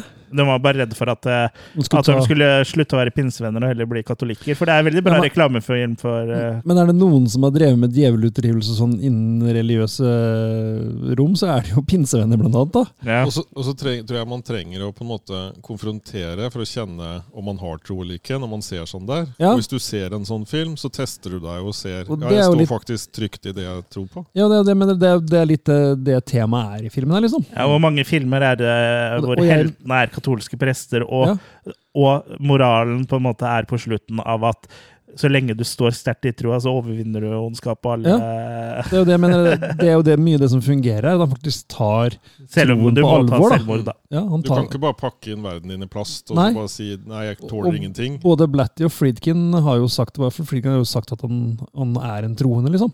Ja, og det er, Eksorsisten er i hvert fall en mye bedre reklame eh, for den katolske kirke enn det de katolske Prestene prestene som eh, stakk eh, pikken sin inn i katolske smågutter, eh, var, da. Jeg vil jo si at kanskje det var litt mer sånn positiv eh, vibe rundt det. Eller burde vært, i hvert fall. da. Se hva Se hva din gud kan gjøre, se hva troen din kan gjøre, se hva Min Det, gjøre. det er jo det som er den virkelige skrekken, spør du Ja, meg. det er nettopp det. Hva det er en pikk? Nei, at de holder på sånn. Ja, De vil ikke ha konkurranse. så. det var det. Nei, for du foretrekker jenter Nei, gutter, ikke det Ja. Ja. Ikke Ikke- pikebarn. Ikke pikebarn som onanerer med et kors. Nei, nei, jeg skjønner at det ble en del kontroverser rundt uh, filmen med, på 70-tallet, i hvert fall med det temaet der. Det hadde Mm. blitt kontrovers i USA nå, det, men uh, det var eh, enda litt mer uhørt da, egentlig. Mm. Uh, vil jeg tro. Men uh, på tross av alle kontroversene, så uh, trykka jo både publikum og Hollywood Mm. filmen til sitt uh, bryst. Den ble nominert til hele ti Oscar. Ja. Vant to. eh, Beste manus adaptert fra et annet medie, og for beste lyd, da. Ja. Eh, Så det er ikke så ofte vi snakker om Oscar-vinnere i denne podkasten. Flere og flere. Det er flere og flere. Det har jo blitt noen. Ja, det var det. Uh, og vi- og vi nevner i fleng. Ja. uh, Vi er jo litt sånn halvveis demente, så vi husker det Everywhere, egentlig ikke. everything, everyone's. Ja, den uh, som vi aldri klarer å huske. E E-E-A-A-O. Everything, everywhere, all at once. Ja, det er Everywhere, ikke Everyone. Nei, ja. Jeg jeg tror på deg, Jørgen. Jeg velger Fint, å tro på trenger deg. en tro. Ja. Du trenger tro, min sønn. Halleluja! Selv Back to the Future hadde vel Oscar-nominasjoner, tror jeg. Ja, til og med den. Ja. Søpla der. Når ikke sånne filmer vinner Oscar, da er Men det eh, feil. vant den nå? Eller jeg vet ikke. Kanskje han vant jeg burde kunne sånn der utenat. Sikkert noen sånne der, eh, effekter eller Jeg er ikke så god på å liksom, Beste gå og huske sang, masse sånne fun facts i hodet. Det er eh, vanskelig. Jeg vil tro det. Men uh, det er ikke noe tvil om at The Exorcist har, hatt- har hatt en uh, innvirkning på populærkulturen, da, og historie, historisk sett. Ja, Det meste av religiøs horror i etterkant kan jo tilskrives her. Til og med nesten, jeg tror nesten alt fra Nunsploitation til Omen-filmene til ja, Conjuring og alt mulig. Ja, The Nun 2, Nun, som jeg ja. snakket om i stad. Den eh, eh, åpningsscenen med han presten som eh, blir eh, satt fyr på av Wallach, men at han henger i lufta der i liksom sånn korsfestelsespositur og brenner opp, liksom. Det, da følte jeg bare det her er jo egentlig en Eksorsisten-scene, Mm. tenkte jeg da. Hvor passer det å ta inn en lokal fun fact om Eksorsisten? Nå! Nå! Ja. Eh, Det er en jeg Eller vent litt, vent litt. vent litt. Ja. Nå! Det er en jeg kjenner som ikke bor så langt fra meg, eh, uten å nevne navn. Eh, han har opplevd å ha en nabo som på morgenen gjentar helt korrekt eh, og siterer 'Eksorsisten'. Å! Ja. Han damer. Jeffrey, ja. Ja, ja. Hvis ikke han bodde i Olsepleien. Det er ei jente da, som eh, hver morgen da hørte han det hver morgen gjennom veggen. At hun sa replikkene fra 'Eksorsisten'. Jennifer Så Dahmer. gøy. Ja. Fuck me Jesus. Det kan hende at hun bare dater han som jobber i tacovogna nede i byen her. Nei, men tenk deg det. Du snakker om påvirkning. Mm. Ja. Ja, det er det er, sikkert mange som fant Satan etter den filmen her. Ja, hvis du vet hvor du skal lete, så. Mm. Eh, men The Exorcist, da. Vi burde jo egentlig hatt om Eksorsisten i fjor, for da var jo 50 år. Men vi, for en gangs skyld så kommer vi litt seint. Eksorsisten er 51 år gammel og har jo for lengst blitt sementert som en bauta. Eh, Mm. Ikke bare innenfor skrekkfilm, men Det er som du sier, eh, du vet du har klart det når du blir parodiert. Ja, og, Og det er ikke bare innenfor skrekkfilm, men liksom innenfor film eh, generelt. Og det er jo som du sier, er at når man liksom kjenner til scenene, kjenner til eh, den plakaten av Mm. Father Marion utafor huset, og du, du liksom At man eh, kjenner til eh, det med grønne spy og hodet som vrir seg rundt uten å ha sett filmen. Det er Mm. da du vet at du har blitt en del av populærkulturen. For det er mange Eh, Ikonisk. Selv om de ikke har sett eh, filmen, så har de på, kjenner de kanskje til noen av de scenene, eller liksom vet om det Reagan og sånn ser ut. Og, eh, Mm. Det er liksom blitt en del av populærkulturen. Altså er det liksom fått det gjennom parodier eller eh, andre medier, da, selv om de ikke nødvendigvis har sett filmen uh, før. Nå snakker jeg jo selvfølgelig for de som er 30 år og oppover, tror jeg, for jeg aner jo ikke hvordan det står til med de uh, yngre. Nei. Men uh, det det, det jeg, jeg, tror ikke det er noen så unge som hører på oss, men hvis du er av den yngre garde, så ta og send en melding eller kommenter på Facebook eller et eller annet om, Mm. om du har hørt om Eksorsisten. Om du har sett 'Eksorsisten' eller 'Sexorsisten'? Men apropos det, hadde ikke dere en plan for meg om at jeg skulle falle ned en sånn nesten lik trapp på elsparkesykkel? Sånn som Eksorsisten? Jo, jo. Ja. Men vi planlegger ikke. Du klarer det fint sjøl. Ok, jeg bare prøver et par ganger. Jeg. Ja, gjør det. Ja.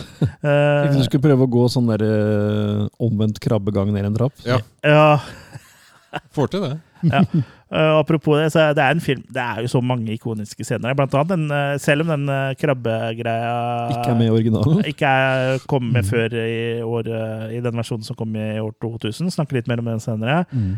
Så har jo den også blitt en ikonisk scene. Mm. Og så har du jo onaniscenen med kors, du har senga som svever, og den grønt spy i hodet som rir seg rundt. Det er, Mm. det er så mange Passusu-figuren. Ja, den som eh, er klippa inn en sånn kort bilde av, Mm. av Passoso. Det, det er liksom så mye ikoniske greier her da, som eh, Så er det så bra kunnskap og utførelse av de som har vært med og gjort sin jobb der. Både på det praktiske og i hele tatt. Absolutt. Og så, ja eh, vi må, det, Noe annet som er ikonisk eh, her, er jo soundtracket, da. Ja. Eh, og da spesielt da, Spesielt én låt. Spesielt én eh, låt eh, som da er med, som er Tubular Bells. Som, Som ligner her. veldig på halloween. Oi, Der er eh, skjedde det et eller annet med nettet, men ja. Jeg har den raskeste forbindelsen fra Telia. ja. Nå er i hvert fall Tubular Bells, som vi hører uh, bak uh, her, av Mike Oldfield. Mm. Eh, Som var sammen med Anita Hegeland. Ja. Eh, som det er hovedtema hovedtemaet til filmen, på en måte. da. Og det er vel hele halloween-temaet som høres ut som Eksorsisten. Mm. For den her kom jo Riktig. Både filmen kom jo før, og så uh, Tubular Bells kom jo mange år før igjen, Mm. tror jeg. 73 eller noe. Et eller annet. Nei, 73 er filmen fra. Het, eh, 70-tallet, da. Ja. Tidlig 70-tall. Det burde vi sikkert visst, men nok om det, da. Det, det, den er jo utrolig ikonisk, den uh, låta her. Og det er liksom en låt som kler uh, filmen så utrolig godt, syns jeg. da. Mm. Og den har liksom blitt synonym med Eksorsisten uh, for de aller fleste. Det er jo uh, sjelden den blir nevnt, i hvert fall eh, i en annen sammenheng enn eh, filmen, da, bortsett fra kanskje eh, hos de mest hardbarka Oldfield-fansa. Men eh, ja, det er liksom det er en litt sånn enkel, mm, men spesiell eh, låt. For den er liksom litt skummel samtidig som den er litt eh, barnslig. Tubular Bells ble utgitt 25. mai 1973 som det første albumet på Virgin Records. Ja, Ja, så den var eh, helt ny. Ja. Blodfersk. Mm. Blodfersk. Men ja, jeg tror jo det hjalp litt på Jeg sa 73, kult. Ja, ja, ja. Ja. Mm. Jeg, jeg bare mente å lese, ha lest at han uh, fant den platen han bladde gjennom noen gamle plater, han uh, Fleetkin. Men det kan jo hende at de andre platene nye. var gamle, og at den var ny. Han kjente den var varm. For eh, resten av soundtracket er jo klassisk musikk, men ikke gammel klassisk musikk, men da klassisk musikk uh, av moderne komponister, holdt jeg på å si, altså Mm. sånn som levde på den tida. Blant annet Kristoff Penderecki, eh, som også Jeg vet ikke om det er riktig uttale, men Det er ikke sikkert han hadde svart hvis du ropte på han. Nei, som også Stanley Kubrick da brukte da i The Shining. Han brukte også en låt fra Christoph Penderecki, den eh, Ja, den som er i starten. Mm. Eh, men sånn ellers, da, så er jo soundtrack utenom Tubular Bells, er jo soundtracket ganske sånn eksperimentelt. da. Det er mest lyder. Og enn liksom egentlig Det er spennende gjort. Mm. Det funker. Ja, og igjen, da, selv om eh, The Shining kom jo eh, syv år etterpå, eh, men den òg gjør jo litt samme greie. Så du tror Kubrick så dem litt i korta? Han var og så den. Ja, jeg vil tro det, spesielt siden han bruker liksom Pederecci også, hvis ikke det var eh, liksom litt sånn kult å bruke han, da. Men det er liksom noe som gjør det litt sånn eh, skummelt når det bare er sånn lyder og sånn dronebakgrunn. Altså Mm. ikke sånn heller litt helikopter, men Mm. eh, ja.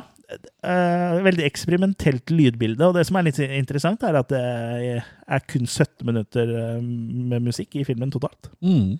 Men det er sikkert mer lyder og brumming og drønning og sånn, da. Hva heter den ufo-filmen vi så med Leslie Nielsen igjen? Den der gamle, gamle filmen.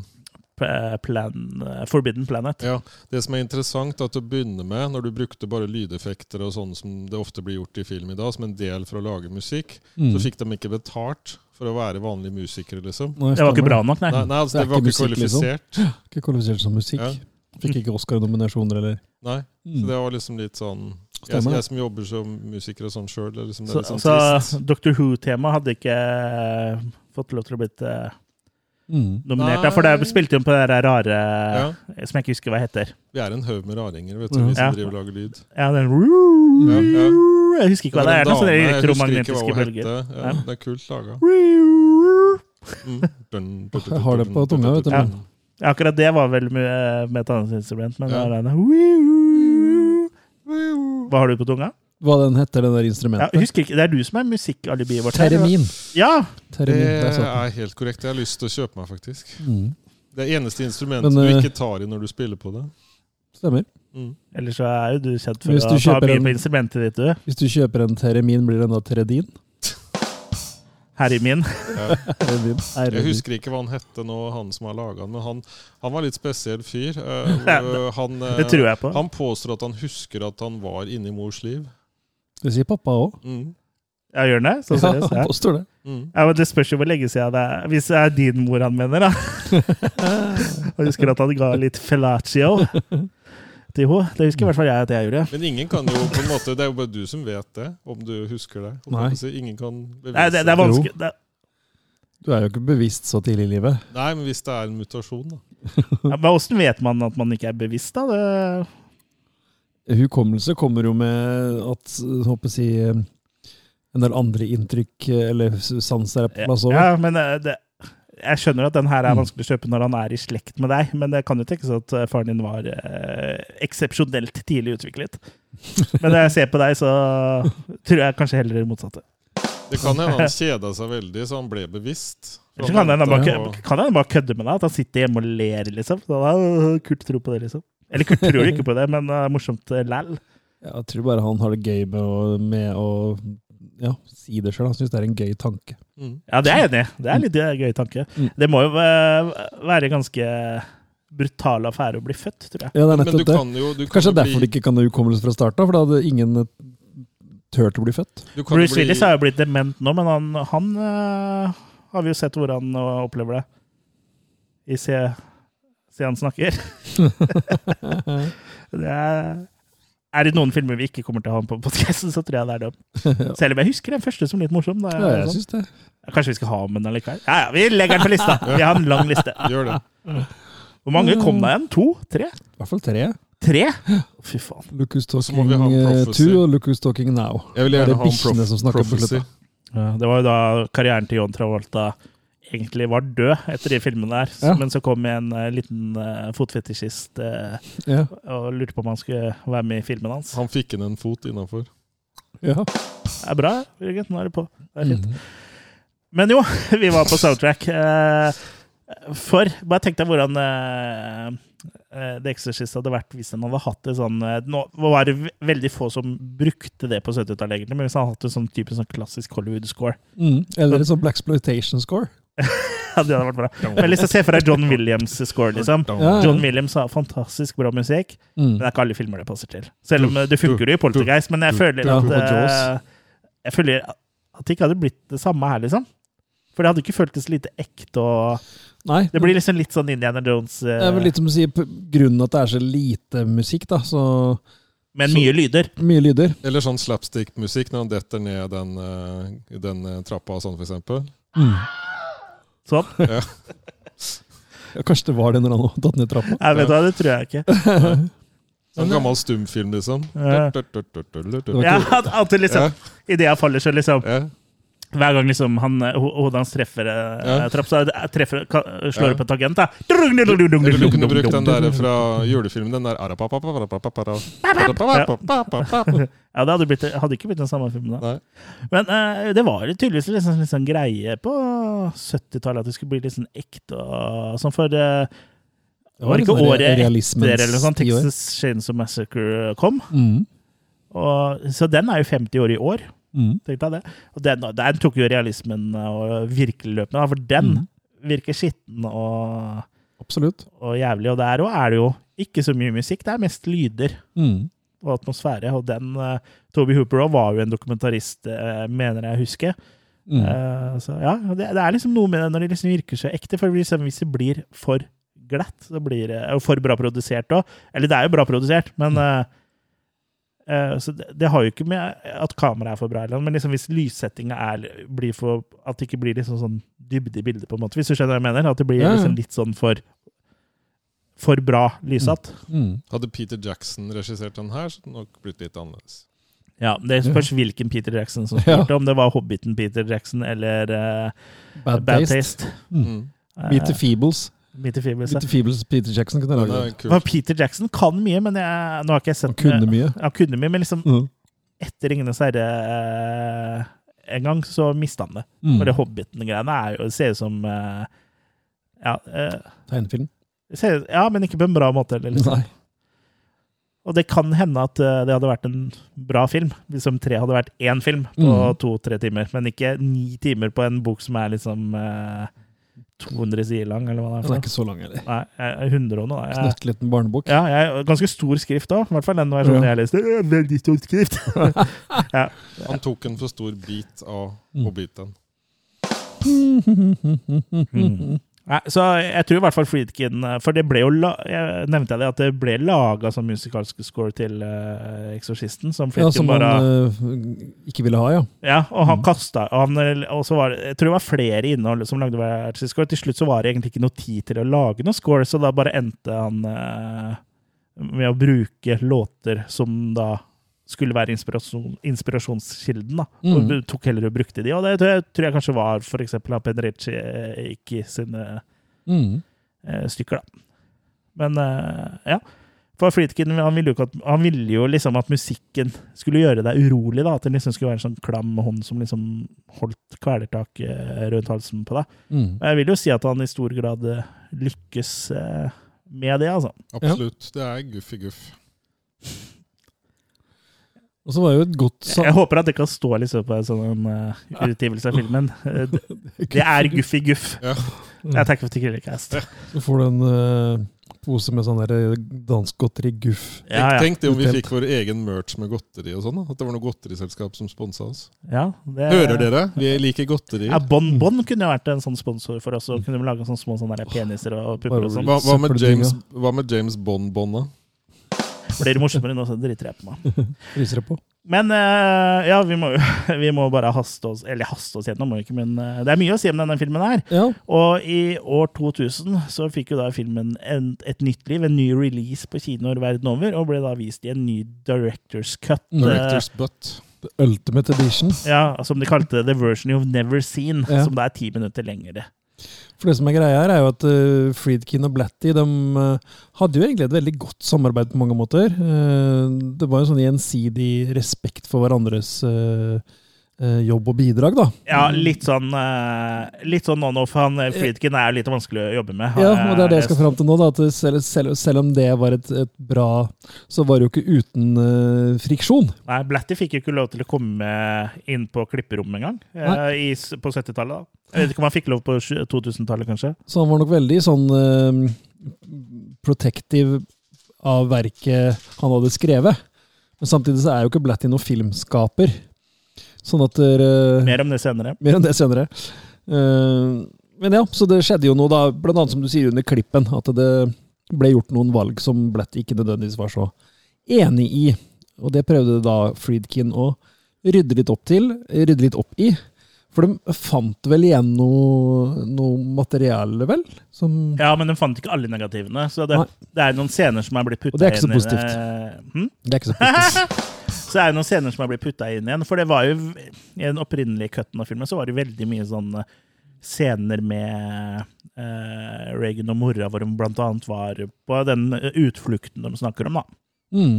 Som egentlig ikke gir så mye til storyen, annet enn å bare bremse det ned, sånn som jeg forstår det. da. jeg kunne tenkt meg å sett flere utgaver av den fallscenen, egentlig. Fra flere vinkler. sånn bloopers reel. Med sånn musikk som du Ja. fra jule... Med entertainer. Men jeg mener at der- den, i hvert fall den der første scena Nei, ikke første scena. Den scena hvor han detter ned trappa, er one take. mm. Og han eh, han Han døde. Ja, nei, men han stuntmann eh, For det er en ekte person som faller. Ja, stuntmann, ja. Ja. Um, Og de har padda trappene, men Mm. det er utrolig tynn sånn padding. Så den hadde vel ikke egentlig så veldig mye for seg. Men eh, jeg mener jeg har lest at den ble tatt i én take, da, og at Oi. han gjorde det så bra at eh, de ikke trengte noe om igjen. Såpass. Han havna Altså- rett på sykehus. Noe sånt. Han som sto for den paddinga i trappa, var det Paddington? Ja, Nei, vet du hva, ta- takk for meg. Ha det. Jeg drar, jeg, da. det var, det var Tena Takk Lady. for uh, meg, Killercast. Ja, Takk for meg. Det var Ja. Tena Lady. Padding. Fy faen. Um, vi må ha litt sånn tull innimellom. Jeg sier- kan ikke, du som hører på, kan ikke bare si at vi bare tuller, for det er ganske mye bra fakta og synsing Det her er intellektuell Ja, mat. Ja, Altså. det er intellektuelt med litt tull. Men Men hva eh, er forskjellen da på eh, den nye versjonen og den gamle versjonen? holdt jeg på å si? jeg spør du meg, Ja, jeg spør da, da kan jeg svare at den inneholder jo små og store endringer. Kanskje mest mm. små, hvor det er litt sånn annerledes dialog og sånn, og litt sånn datagrafikk, CGI-triksing her og der, men ikke Ja. noe som er sånn veldig tydelig. Det er ikke lagt inn noe Det er subtilt. Ja, det er ikke. Og sublim... sublim Subliminal. Subliminal Ja, eh, for det er hvor i originalversjonen hvor han Passoso bare eh, på en måte var i noen sånn korte glimt, så er det enda flere her. Og så har han også blitt plassert eh, sånn superimposa i en kjøkkenvifte. Ja. For det var visst ikke i originalversjonen, da.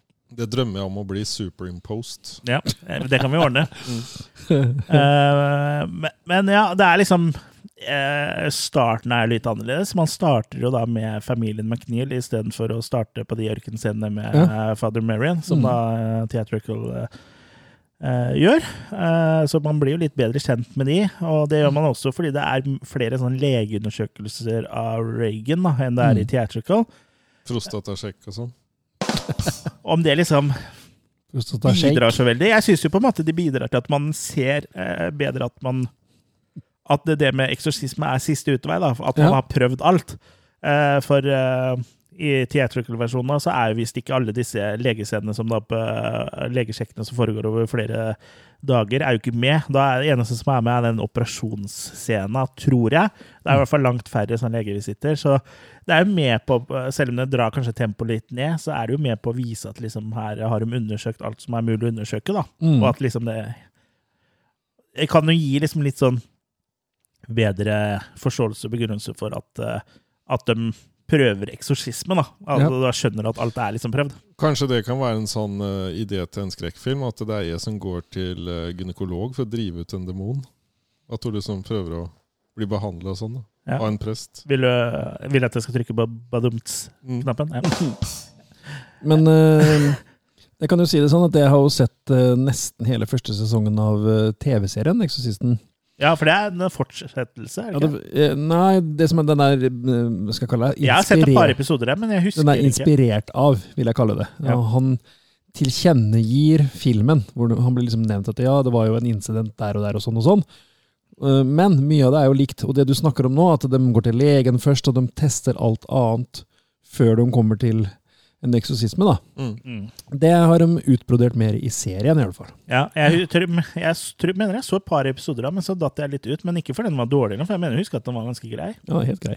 Det er to Det er, kan jo hende den dukker opp i, i vår eksorsist-føljetong, da, som vil være over epis, flere episoder. Ja, og de episodene kommer ikke etter hverandre. Bare så det, er Maybe, maybe. Men de det kunne, kommer sånn utover. de kunne utnytta begynnelsen litt mer i Eksorsisten, syns jeg. At de kom i kontakt med en eller annen sånn At det var noe pyramide, et eller annet sånn, at det var et eller annet som ble overført. da.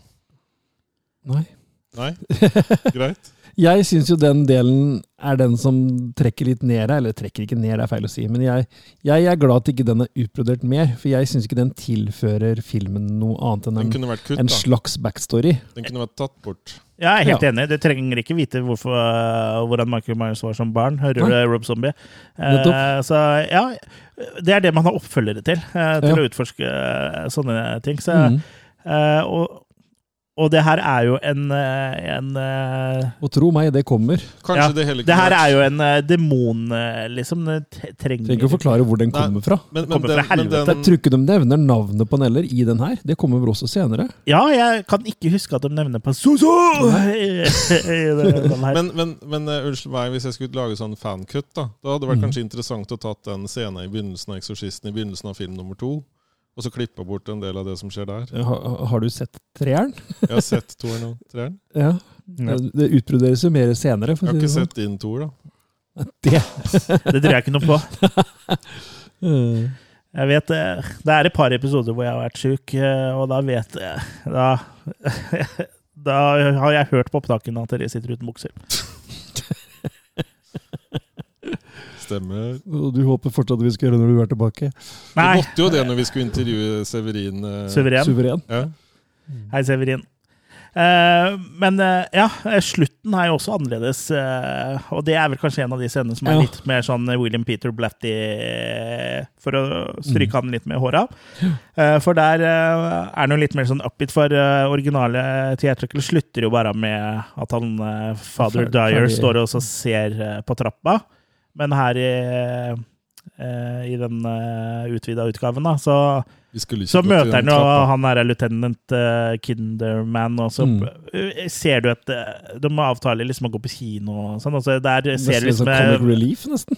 ja, ja, At de altså- liksom former et eh, vennskap, da. Som Ja. da også da blir det et oppspark til oppfølgerboka til William Peter Blatty som heter eh, Legion. Mm. Og som da også er eh, eh, utgangspunktet i film nummer tre, da, som, som Mm. vi skal snakke om litt uh, senere. Men først må vi vi snakke om eneren og toeren, ja, hvis vi kommer dit.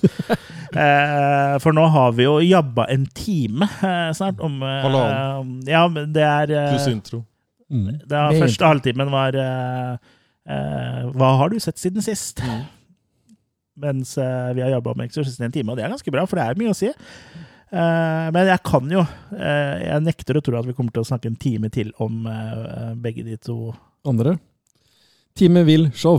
Han spiller banjo, for det er det han Ja. kan jo. Men vi kan jo begynne å wrap up the first one, da. Sånn, Ja, jeg syns jo også det er litt sånn artig Som med alle kjente filmer, så finnes det utallige teorier, teorier og hypoteser på hva filmen egentlig handler om. ja. Nå skal ikke vi drive og tolke altfor mye her, da, for det er, det er liksom Vi føler at det kan andre gjøre. Og det jeg er litt usikker på om egentlig filmen er laga som noe annet enn underholdning, egentlig. Men kan jo hende William Peter Blatty har hatt noe annet i bakhodet enn å lage en spennende og skummel historie. Men mm. Det vet jeg ikke. Men det er, kan jo handle om at uh, en av tolkningene uh, som er populære, er at uh, man som ung da trenger eh, veiledning, riktig veiledning av voksne, da, og at Reagan på en måte liksom er eh, eh, Hennes demon er, på en måte blir ja, At prestene liksom veileder henne på riktig sti i livet, da, så hun ikke liksom havner ute på kjøret og blir en demon. da, For, for eksempel narkoman eller eh, prostituert, eller ja, at du ikke liksom eh, går Mm. den stien som liksom er best for deg, da. Og så Prestene da kan jo være metafor for foreldre eller andre autoritetspersoner. da. Eh, jeg har også lest at det er noen som eh, Det er jo sikkert tusenvis av skoleoppgaver og sånn om det er jo på filmskole, og sånt, men altså at det er en metafor for kvinnefrigjøring eller feminisme. da. Mm. Uh, at da liksom en ung kvinne finner seg selv eller, eller, og, liksom, uh, og sin seksualitet og prøver å liksom bryte ut av de konforme normene som er, da, og spesielt kanskje var på den tida der. Og da er seksualitet med det korset, og at det, liksom, demonen på en måte er pubertet. da. Og så blir jo det liksom kjempa imot med at liksom de autoritære eh, mennene liksom holder henne nede, bokstavelig talt, da, til hun er mer medgjørlig. Og jeg vil jo si at det er jo en ganske god metafor. Eh, for Ja. liksom, her, det passer liksom ikke inn i samfunnet vårt at du skal være sånn, så vi bare holder deg nede til du gjør sånn som du vil. Mm. Så, At de bruker på en måte skrekkting for å få fram det. ja, og det, at hun det er, skal bli det, uavhengig. ja, det er, jo, det er jo ikke noe nytt, eh, det. Eh, Men liksom sånn, det er jo sånn med tolkning av film da, at det er jo ingenting som er feil, og det er jo heller ikke nødvendigvis noe som er riktig heller. Ja, da, Folk må få til å tolke som de vil, men nå har vel både Friedkin og Blatty, og i hvert fall Friedkin sjøl, sagt at det er eh, kampen mellom det gode og det onde, liksom. At det er det han står for, og det han Ja. gikk for. Så Men, men det, det er jo så Mm. Bra filmer òg, er at de kan være metaforer for ja, ja, eh, folk tolker det som de vil. Og, og det er jo også mange som sier at det, hva det betyr for deg, det er det det, det betyr det. Ja. Og så har du det der at hun hun på en måte eh, sier sånn. Hun, er, hun er jo tolv år, så er hun i ferd med å bli tenåring og er i ferd med å bli dame. ikke sant? Eh, Mm. Og pubertet og alt det der. Ja. Eh, finne det- ut av ting. Var det ikke det jeg akkurat sa? Jo, men jeg sa det på min måte. Ja, okay. Du har lært meg å bruke egne ord. Ja, det har jeg gjort. Men uh, nå bruker du jo ord som andre har brukt før deg, så Jeg resirkulerte dem. Jeg Alle er glad i ord er gjenbruk. brukt ta, ta, Bruk egne ord nå. Alle ord er brukt før. Bruk et ord som ingen andre har brukt. Eh, skoftefløyte. Ja, ja det er godkjent, det. Ja, det er godkjent. Bra. Mm. Tok den Ja, på så strak arm, det. Jo, det kan vi kanskje nevne at den uh, Apropos skoftefløyte. Ja, at den går jo for å være cursed, den filmen her. At det Ja. er eh, huset de eh, bygde opp for å filme i brant opp, så de måtte bygge et nytt et. Det tok mange uker. Det er uh, folk i nære og fjern relasjon her som dør, enten under innspilling eller etter innspilling. Det er folk Jack som McGrowan døde jo i 73, rett Ja. etterpå. Rett etterpå, ja. Han som spiller Burke Dennings. Mm. Og det var noen slektninger av Linda Blair, og det var eh, Max von Sydow måtte hjem til Sverige i begravelse. og Det var stadig ting som skjedde, da. Og en uh, Men mye av det- stuntmann det- som mista fingeren. Og, ja, Men mye av det også Mista er jo fingeren. mista fingeren, ja. Eh, Men samtidig også så har jeg også lest at den produksjonen her gikk jo så langt over budsjettet over tid, lenger over tid enn det som en vanlig film ja gjør. da, så det, det er liksom, det er ikke uvanlig at det skjer ting i livene til folk. Nei da. Det står jo ikke stille. De hadde 150 timer originalt, men brukte vel 500 til sammen å spille inn. da. Ja, ikke sant? Og når du må bruke seks uker på å bygge opp et hus, så er det klart at tida går. Ja, og det skjer jo ting med folk. eh, Så jeg liksom, ja, jeg kjøper kanskje ikke helt en kurs, men det er veldig bra markedsføring. Det er jo det. Det er jo liksom sånn uh, tiåret før Poltergeist kom med litt av samme greiene. da. Ja, jeg tenker det er litt sånn eh, Altså, det, de tingene har jo skjedd, eh, Mm. men liksom det funker jo bra i Ja, ja. PR. Mm. Sånn sett så er det jo fortsatt det var nevnt med link til Hannibal Holocaust, hvor det ble mye rykter. Hvor ble det av skuespillerne? Ja, ja. At det, alt det her gir filmen suksess, da. Eh, vi glemte også å nevne, eh, hvis vi bare spoler litt tilbake, så Eller vi har jo nevnt det, men sånn, den største forandringa kanskje på, fra 73-versjonen og 2000-versjonen er den Spiderwalk-scenen. da. Spiderwalk, Spiderwalk. Spider uh, som jeg syns egentlig er ganske kul. Den kommer litt sånn Ja. fordust på, for du forventer ikke at den kommer Fordi den filmen er, er jo en sånn slow burner, da. Og den eh, bygger seg ikke sakte opp. Og jeg må bare si at jeg er egentlig veldig glad i filmer som bygger seg sakte opp, så lenge de er bra. Mm. Og Exorcisten syns jeg funker meget bra. Og den, jeg tar meg sjøl i nesten skvetter litt når den uh, Spiderbox-scenen Skvetter kommer. litt. Jeg Mm. tenker jo at film mye er som å ha sex. Det er viktig med et godt forspill, og den beste sexen starter i hodet. Vi var jo, vi så jo den eh, Vi så jo 'Eksorsisten' Exorcisten sammen, vi. Og eh, da den skvettescenen kom, så var jeg faktisk ute og skvetta, du, Jørgen. Da, nå trodde jeg du sa at da ble du våt når du så filmen. Nei, det ble jeg ikke. Men Det som er litt rart, er at den blir jo fjerna fordi de syns han så så teit ut med at du kunne, de klarte ikke å fjerne mm, disse vaierne holdt jeg på å si, og sånn. Ja. Men vi så jo litt i klipp eh, i bakom-filmen. og Ja, Som da var filma med sånn, et annet type kamera, men Ja. det så greit ut. Der, så liksom. Jeg, greit ut, det. jeg har Hadde sett, kjøpt den i 74, liksom. Ja, eh, jeg hadde fint gjort det, og jeg har sett filmer eh, så kanskje må- hvor de så uh, strings er bedre. I got no strings to hold me down. Eh, men ja, eh, jeg syns jo i hvert fall det er Jeg, jeg syns jo at eh, den scenen liksom tilfører litt, selv om det kanskje blir Mm. litt mer sånn Skrettescene skvettescene, og at eh, filmen ellers ikke har så mye av det, men jeg, jeg syns den er kult, det. Ja, absolutt. Og den starter jo Hva skal jeg si? Den, den kickstarter litt, da. Mm. Mm, den er en lite sånn drypp. Ja, for før, det så har du liksom ikke sett noe sånn eh, Nettopp. Annet enn at du banner og er litt sånn Mm. ufin i språket og sånn. Og snakker litt uh, latinsk. Det funker. Mm. Men eh, ja, jeg, jeg syns Eksorsisten er er, veldig god. Altså, det er en klassiker, liksom. Og Mm. som jeg sa, så jeg, jeg har liksom litt sansen for uh, de 70-tallsfilmene, så lenge de bra 70-tallsfilmene. da. For det er liksom ikke noe overbruk av musikk, og det er liksom Eh, Det var, mange, det var jo flere enn Friedkin på den tida også, som liksom prøvde å skyte ting så det så litt naturlig ut, og brukte liksom ikke sånn eh, or or orkesterscore, og det var liksom Mm. litt sånn annen type eh, filmskapere som på en måte trådde fram, da, samtidig som du hadde George Lucas som eh, på en måte brakte sånn Hollywood scores tilbake, da, som Mm. lagde en romsåpeopera, men eh, hva, er det Zoetrope de kaller seg, den gjengen der, med Francis Ford Ja, for, det, ja, Coppola for, eh, Zoetrope er Coppola. Mm. for uh, sånn, bortsett fra George Lucas, så kjører jo alle de andre på litt mer sånn eh, eh, dokumentarisk fil, og Mm. Eller ikke nødvendig, men liksom sånn eh, I hvert fall musikkmessig, da, så er det liksom litt mer sånn eh, down to earth eh, enn oppe i Stjernekrigen. Mm. Men eh, ja. Eh, ja, jeg liker, liker Eksorsisten, og mm, syns jo at eh, Friedkin, eh, selv om han var sikkert et rasshøl for mange, har liksom klart å lage en, veldig bra film her, da. Absolutt. Altså, det er mye bra. Det er så mange ikoniske scener, og det er liksom hele myten rundt Passus og plott og historie som engasjerer. Og så er karakterene, da. Man bryr seg jo om Reagan, og det Mm. er jo en store fallgruva som filmen kunne gått i her, er om Reagan liksom hadde eh, spilt som uh, guttungen i Hjemme alene 3. Bare han ikke blir en Ronald McDonald. Reagan.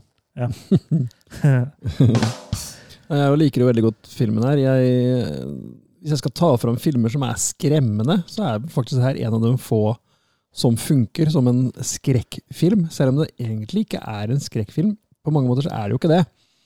Og, de, og de, er litt sånn artig av de bildene av uh, som eh, blinker over skjermen som liksom Mm. eh, gjennom filmen, da, det er jo noe som egentlig ikke var tenkt til å ta med i filmen, for det var jo sånn failed eh, Eller sånn makeup-tester på en makeup eh, av en besatt Reagan som Mm. de ikke gikk for. Eh, det er ikke Mm. Linda Blair, da, men det er en annen dame som jeg ikke husker eh, navnet på, som det er sminka. Og det er jo bare sånt uh, eh, test-footage fra den sminkegreiene, som de da i ettertid, etterarbeidet, bestemte seg for å splice inn. Mm. Og det funker jo veldig bra. Det er liksom sånn Jeg vet ikke hvor vanlig det var på den uh, Ja, det vel, tida der at det ble vel litt slått ned av det, for de prøvde jo det i reklamesammenheng. Og det ble jo forbudt der, for de Ja. mente at det appellerte til underbevissthet i det og sånn. ja. Så jeg tror det ble drept mye i eh, reklameøyemed, og da falt det vel litt ut i filmøyemedet, vil jeg tro òg.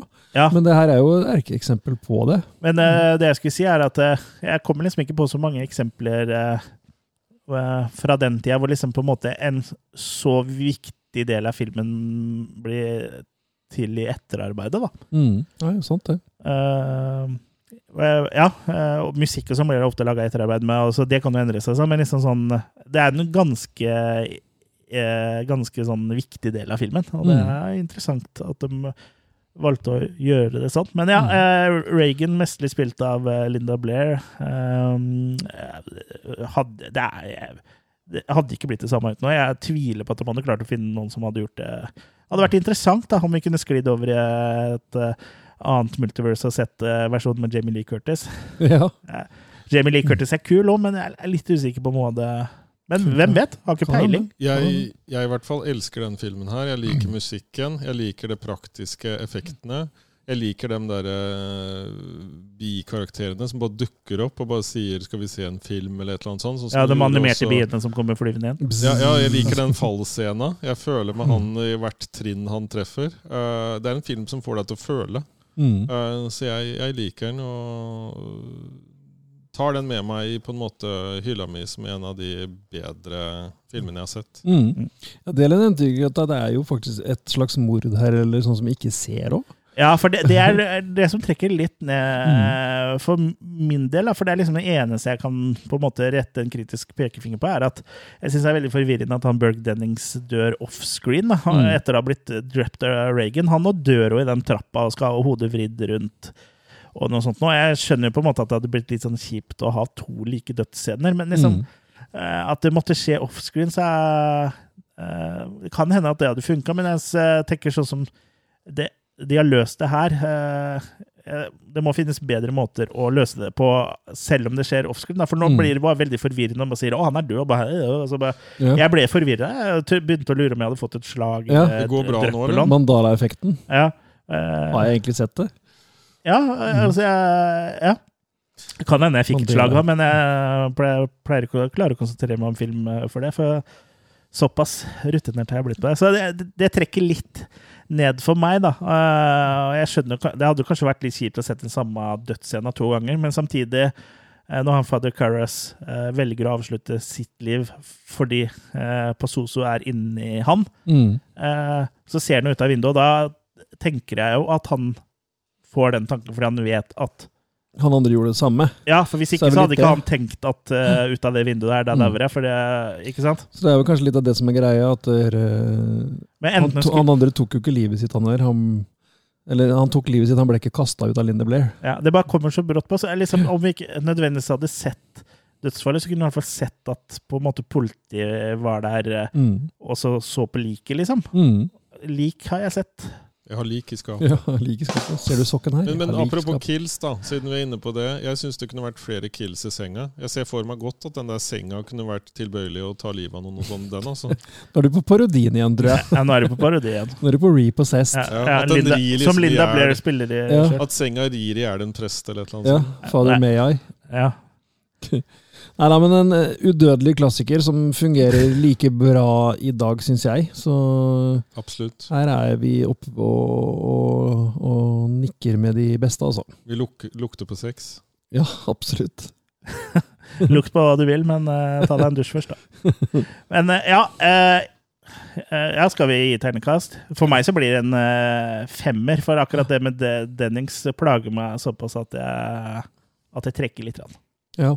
Jeg jo plages litt over det at det, den der forhistorien er for liten til å ha noe hensikt. Det hadde ikke trengt den, men jeg er fortsatt på en sekser. også. Det her er for meg en, eh, en eh, ja, klassiker. Ja, det er opp, uten tvil en klassiker. Jeg gir også en eh, sekser. Ja, og selv klassikere kan jo ha sine flås. Ja, det fins ingen perfekt film. Om det ikke er klasslikere.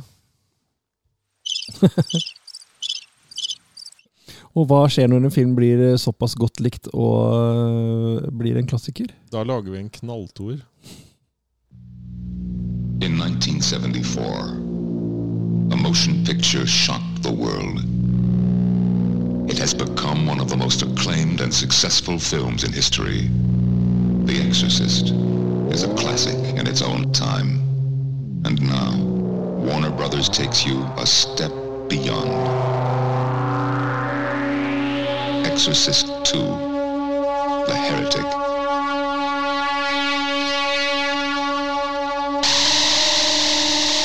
starring Linda Blair, Richard Burton, Louise Fletcher, Max von Sydow, James Earl Jones. Their minds locked together with the most terrifying vision of all.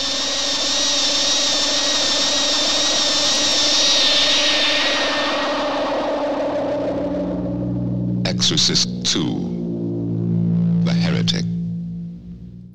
I 1977 så kommer altså Exorcist eh, 2 eh, med, med, med titel, norsk eh, ettertittel eh, 'Kjetteren'. Mm. Og vi skal jo da tilbake i dette universet som var i den første filmen. Og fader Leonard han er jo på en måte ikke uvirksom, og han skal jo etterforske Merins død. Og ved at han Mm. gjør det, så kommer han i kontakt med Reagan. Og hun har jo egentlig hatt en litt eh, lettere tilværelse de siste åra og vært fri for demoner. Og så, når de kommer i kontakt, da, Leonard og eh, henne, så skjer det jo nettopp det at han vekker til live demonen inni henne. Så han må igjen ta på seg arbeidshanskene og gjøre en ny utdrivelse. Så Ja. Ja, det er jo basically det Mm. den handler om, det. mm. Så vi Ja. møter jo noen av de samme folka og litt sånn, da. Gjør det. Reagan har jo blitt uh, ungdom. Går til alternativ terapi. Ja. Vi vet alle åssen det er. Ja, Hun har jo fortrengt det som skjedde i Washington i sin tid. Ja. Men uh, som du sier, han eh, eh, nye presten han vil jo etterforske, og vil jo, han vil jo ha henne til å huske. han får vel en oppgave ja, for den katolske kirke. Han Ja. vil jo huske det, og ha henne til å huske. Så han tar jo med ut på lekeplassen. Nei, ikke sånn huske, da, vet du, tullebukk. Mm. Ja, eh, her er jo han eh, godeste eh, som du nevnte i stad, som er regien. Han eh, Ja, han Borman. Ja, John Berman. Eh, Så da snakker vi litt mer igjen Også om Ross på Pallenberg. så det er jo to som har vært i Ja, en i sånn ukreditert der, ja. Ja. Eh, Det er jo Ja, du kan godt si at det er en form for eksorsisme her òg, men det er samtidig på en måte ikke helt det heller. Nei, det er noen som har sett, eh, vært og sett Carrie på kino, i hvert fall. eh, året før her. ja, ikke sant? Ja. For her kobler de inn veldig mye greier. De går Ja. inn i stier som de aldri skulle gått i, og Ja. de, de tråkker i salat. Og her har du Borman på sitt eh, beste igjen. Ja. Her er det også drømmeterapi og en slags sånn eksperimentell maskin hvor du kan Maskin og goes bing. ja, Ja. Du, du kan koble deg opp og, og Det er en sånn maskin som synkroniserer hjernen eh, hjerne, ja. med et sånn lys. både tang... Ja, uff, det er ekkelt, sånn der eh, blinklys. Strobelys. Hadde jeg aldri klart å sitte foran, hadde jeg fått hodepine i ja, resten av livet. Jeg har sett det på et par filmer. Hodepine i underlivet.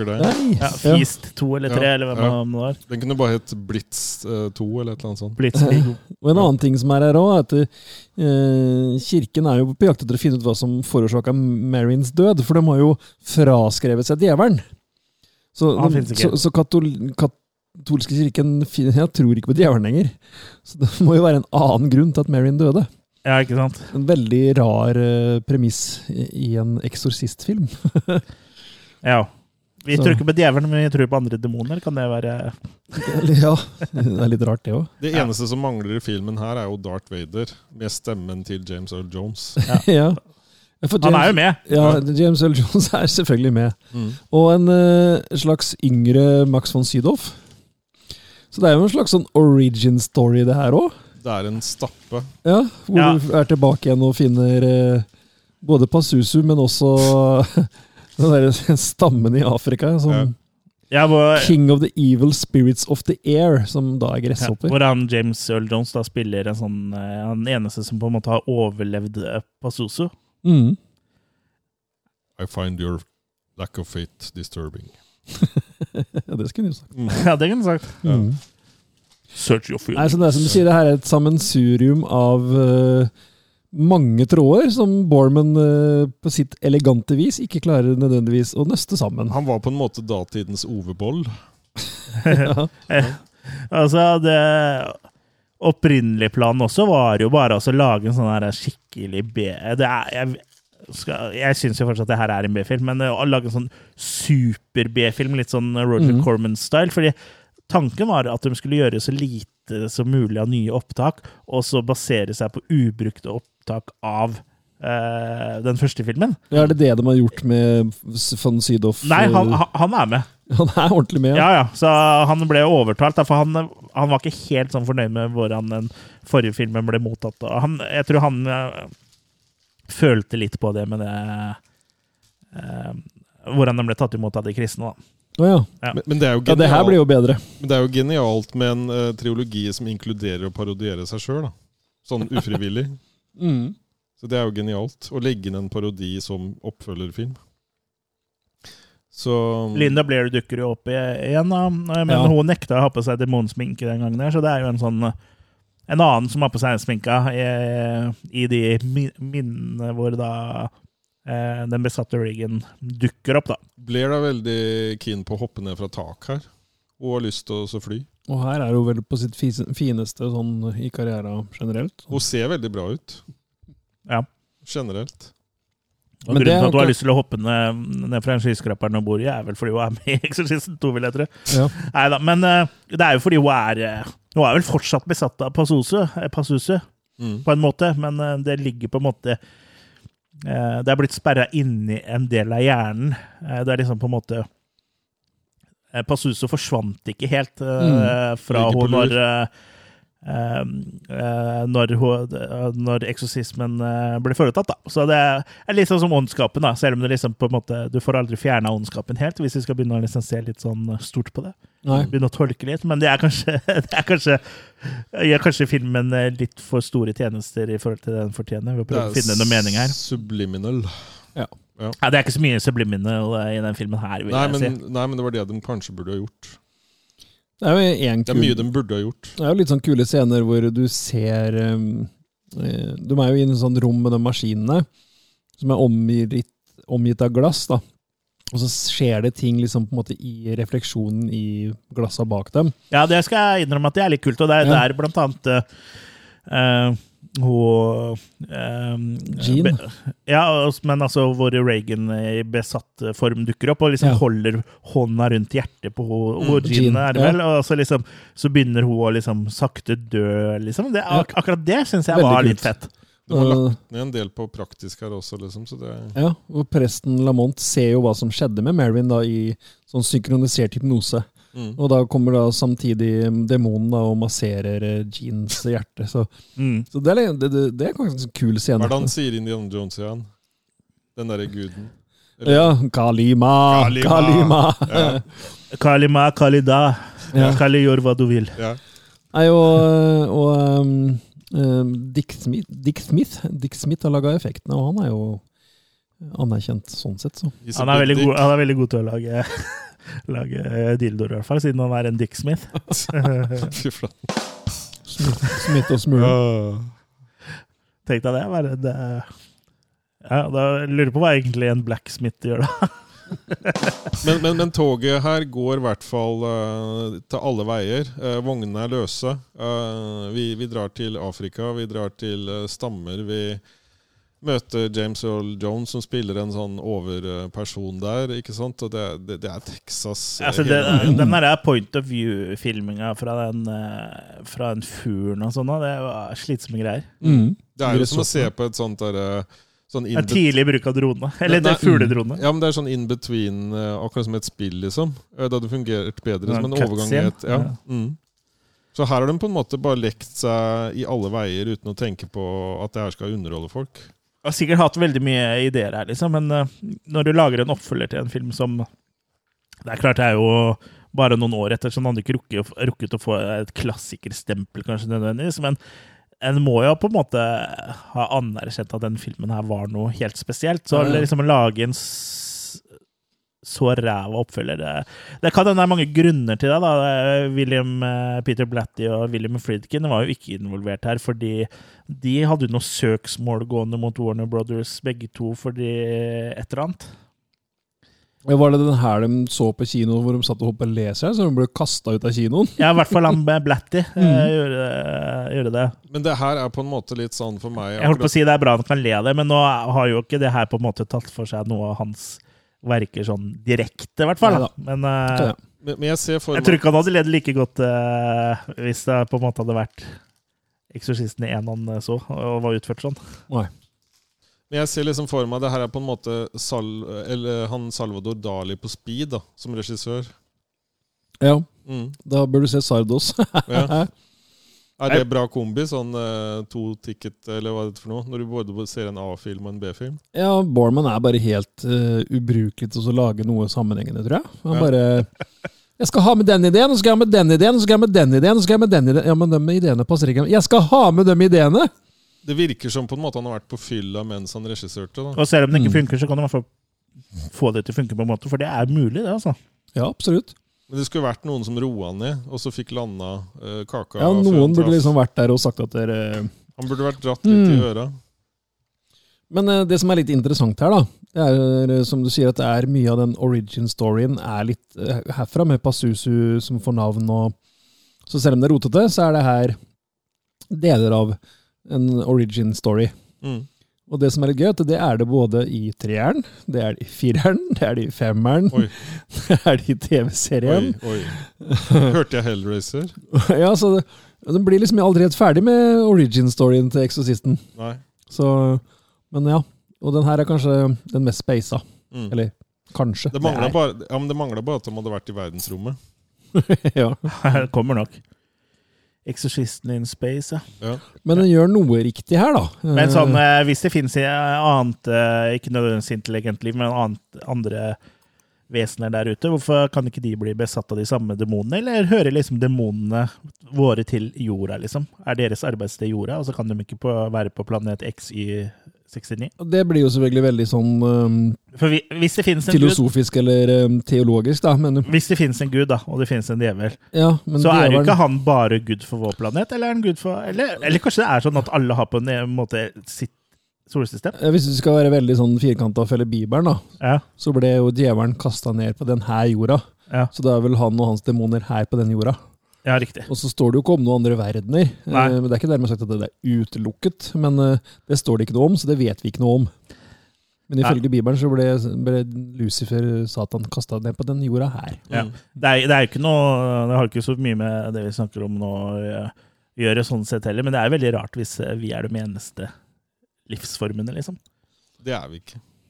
Men nå påstår de å ha funnet en annen planet nå som gjør det mulig å være beboelig sånn som her, da. Ja, de har vel fått inn noen mikroorganismer oppe på Mars, tror jeg? Eller, Mm. Men- men tenk- det- Penisen din? Men tenk da, tenk da om det universet Det var så vidt finnes de fant det, var veldig liten. tenk, tenk om det finnes da i en annen del av universet, så finnes det en planet hvor det er Attack of the Killer Cast, og så sitter vi og lager den akkurat samme podkasten og Ja, ja. sånn.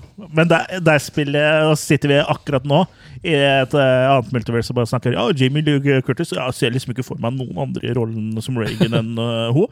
Men uh, der hvor 'Eksorsisten' var en helt grei film, så var 'Eksorsisten 2' mye bedre.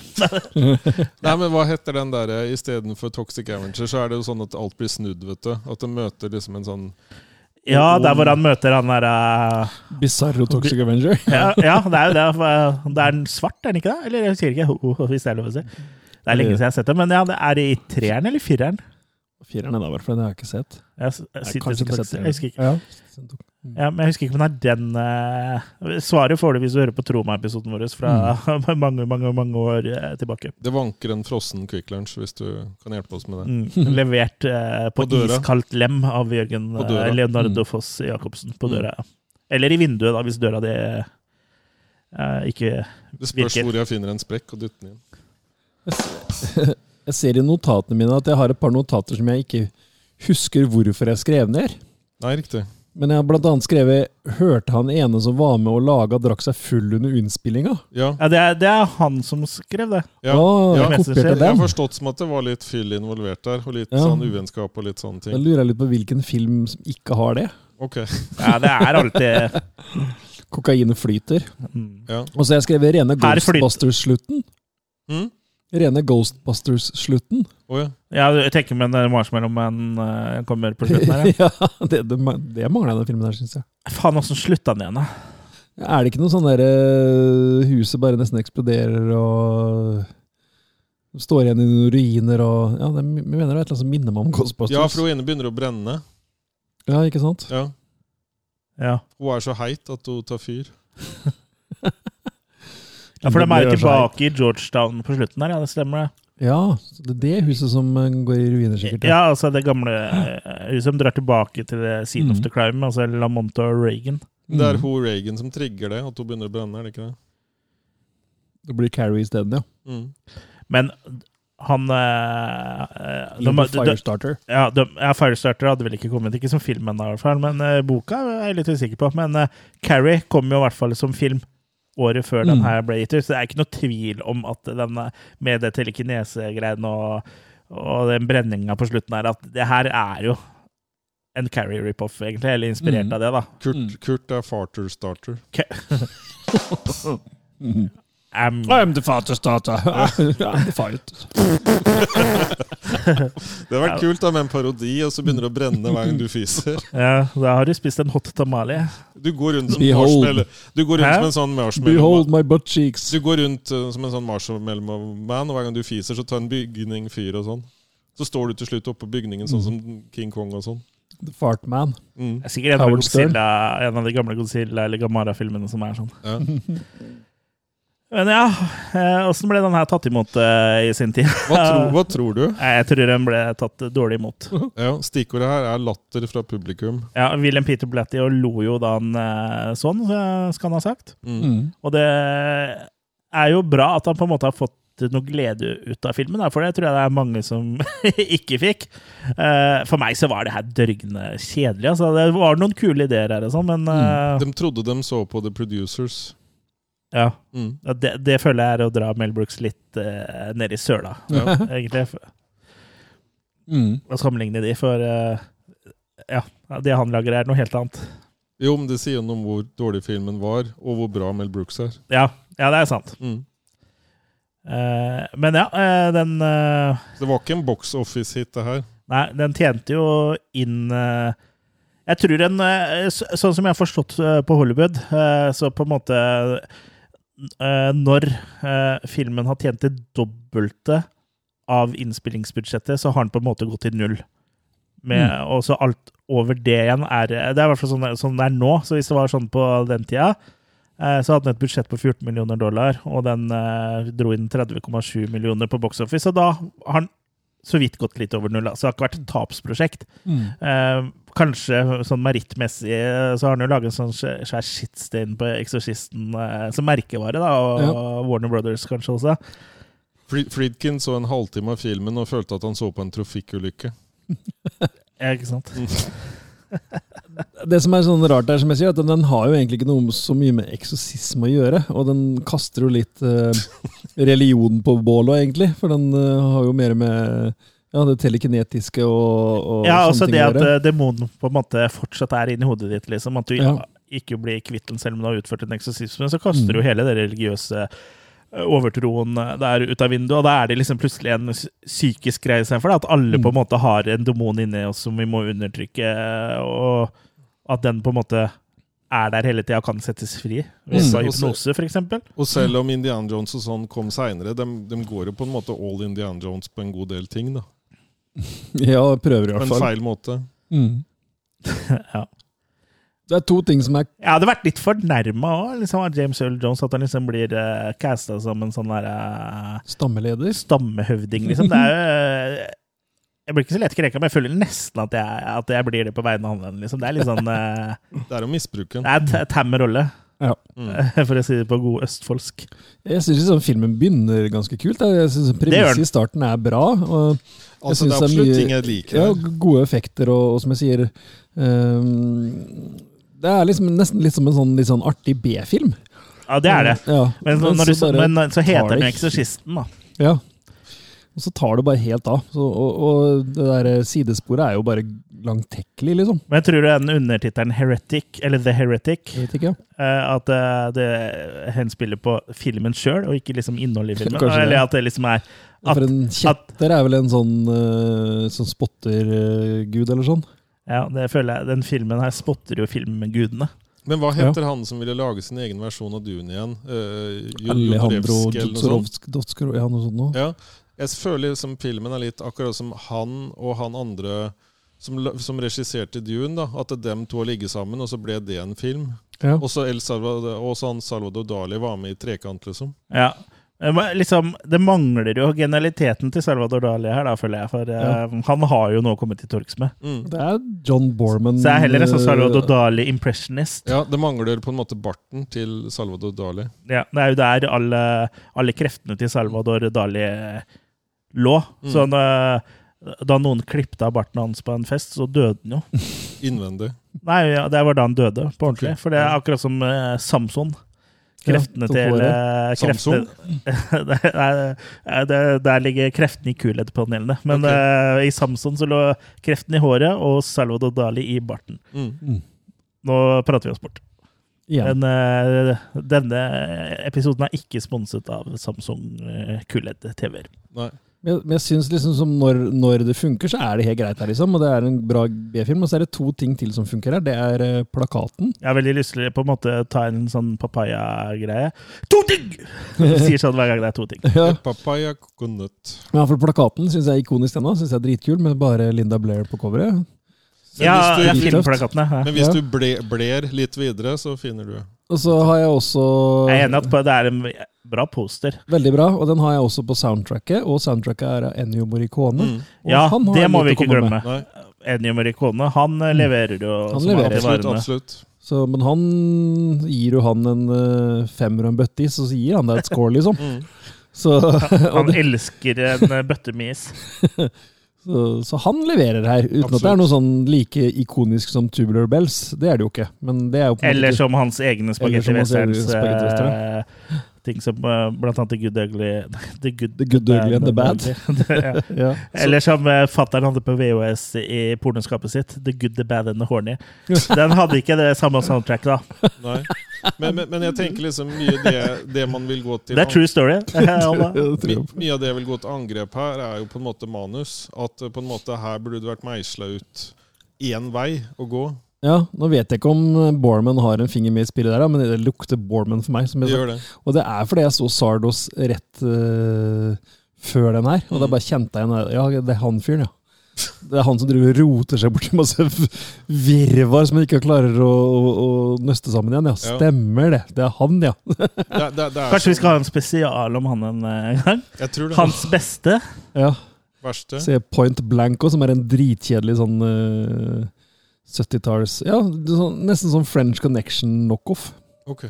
Jeg sa han lagde knockoff av alle filmene Er det med til Gene William Hackman? Ja, vi snakka om den i stad, jo. Ja. Ja, men da ser du, jeg husker. Jeg lærer. Point. Point Blank er med Lee Marvin. Her har vi litt av soundtracket til Ennio Morricone. Bare bruke sitatretten vår litt, eh, og så høre et par sekunder på den. Ikke tving meg til å bruke mute-knappen på deg, Jørgen. Det hjelper ikke. Ikke sitarretten.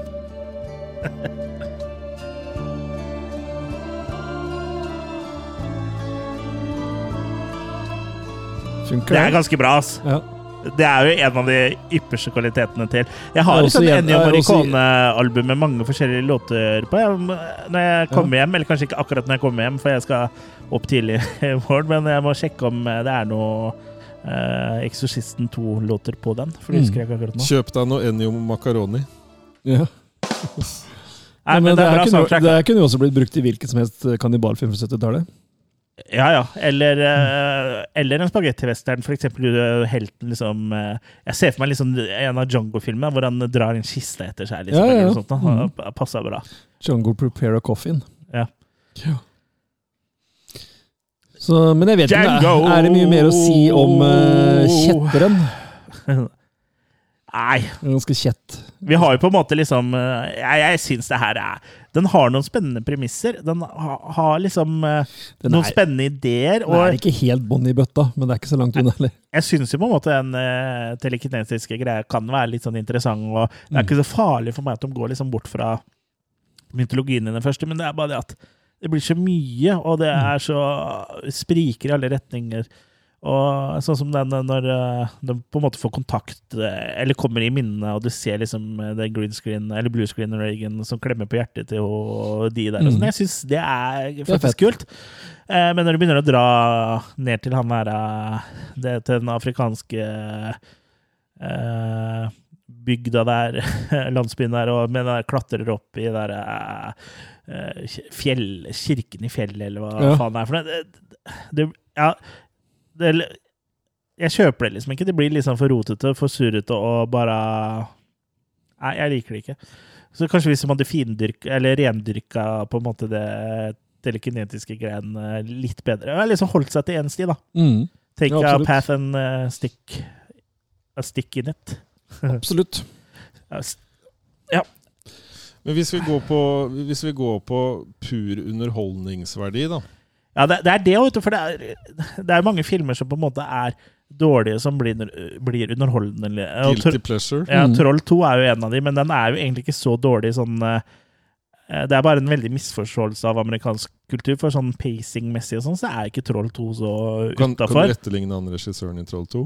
You're a fucking actor, dogs! Jeg husker ikke helt hvordan han snakka, det var litt for bra engelsk. Actor Dogs. Men jeg mener å huske at forrige gang jeg så Exorcisten 2, så syns jeg den var underholdende. Og, og at, som jeg sier, det, jeg syns det var en artig, litt undervurdert B-film. Men jeg lurer på om kanskje jeg sovna under den der delen hvor de var i Afrika. Ja, jeg har jo sett en del film med deg, så jeg kan jo egentlig skrive under på at jeg tror også kanskje du sovna da. For du, jeg er sikker på at du ikke gjorde det nå. Og da fungerte den ganske bra, altså. Ja, Det vil jeg tro. Det var en fin kortfilm, var vel ja. du kommenterte en gang. Hvis det var Mikkel Rev som skrev den filmen her Afrika, Afrika ville ikke ha den. Sendte den tilbake. Ja, du sendte Eksorsisten tilbake. Ja. Nei da. Nei, så- det her er ikke noe for meg. Altså. Jeg, det, vet du hva? Terningkast to, og da er jeg snill, føler jeg. Ja. Nei, jeg, jeg var nok enda snillere òg, ja, men jeg, jeg tror nesten jeg må nedjustere, faktisk. Ja, når jeg tenker meg om. Mhm. Så nei, jeg tror vi er på en, eh, en sterk toer, da. Ja. Jeg velger å være litt snill, for jeg ble faktisk underholdt av den her. Mm. Jeg syns det her var morsomt. Jeg er litt sånn som person, at jeg har for mange ideer og ikke klarer å lande. Så jeg er Ja. litt sånn inhabil Du? i forhold til å dømme den der. Så jeg, jeg velger faktisk å gi en sterk treer. Ja. Skal du låne Sardo sammen, sa du? Ja. Mm. Men uh, den uh, er ikke bedre enn Alien, da. Nei. Har du en lapp på brilla di der?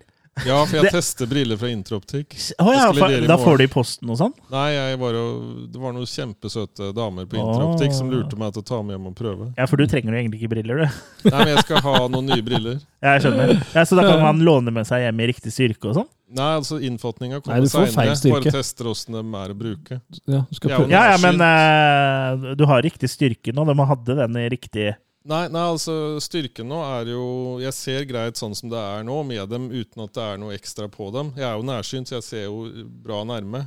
Men de skal bestille innfatning og sånn til de her da, seinere når jeg leverer Innfatninga er jo ramma rundt Ja, jeg tenker på det inni, da. gla- Glasset. glasset. Ja. Ja. Så glassa er uten styrke. De er såpass forståelsesfulle at de Er glassa riktig. u- det, Er glassa uten styrke? Ja eller nei? Glassa er uten styrke. Ja, du, burde- vet du hva?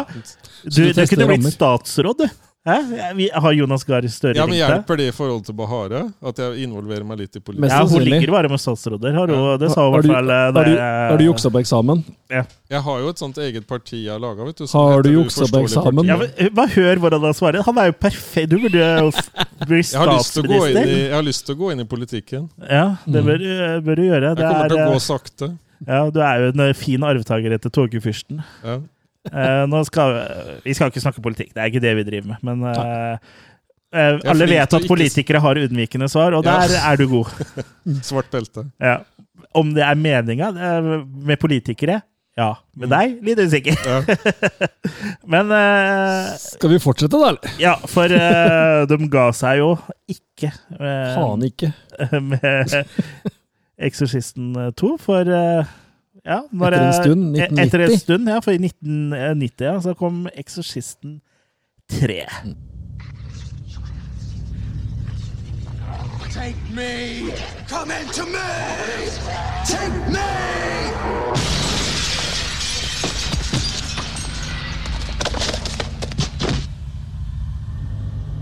In 1973, an extraordinary motion picture stunned our senses and uncovered our deepest fears in a way no film had ever done before. When it was over, we thought the terror had ended, but it had just begun.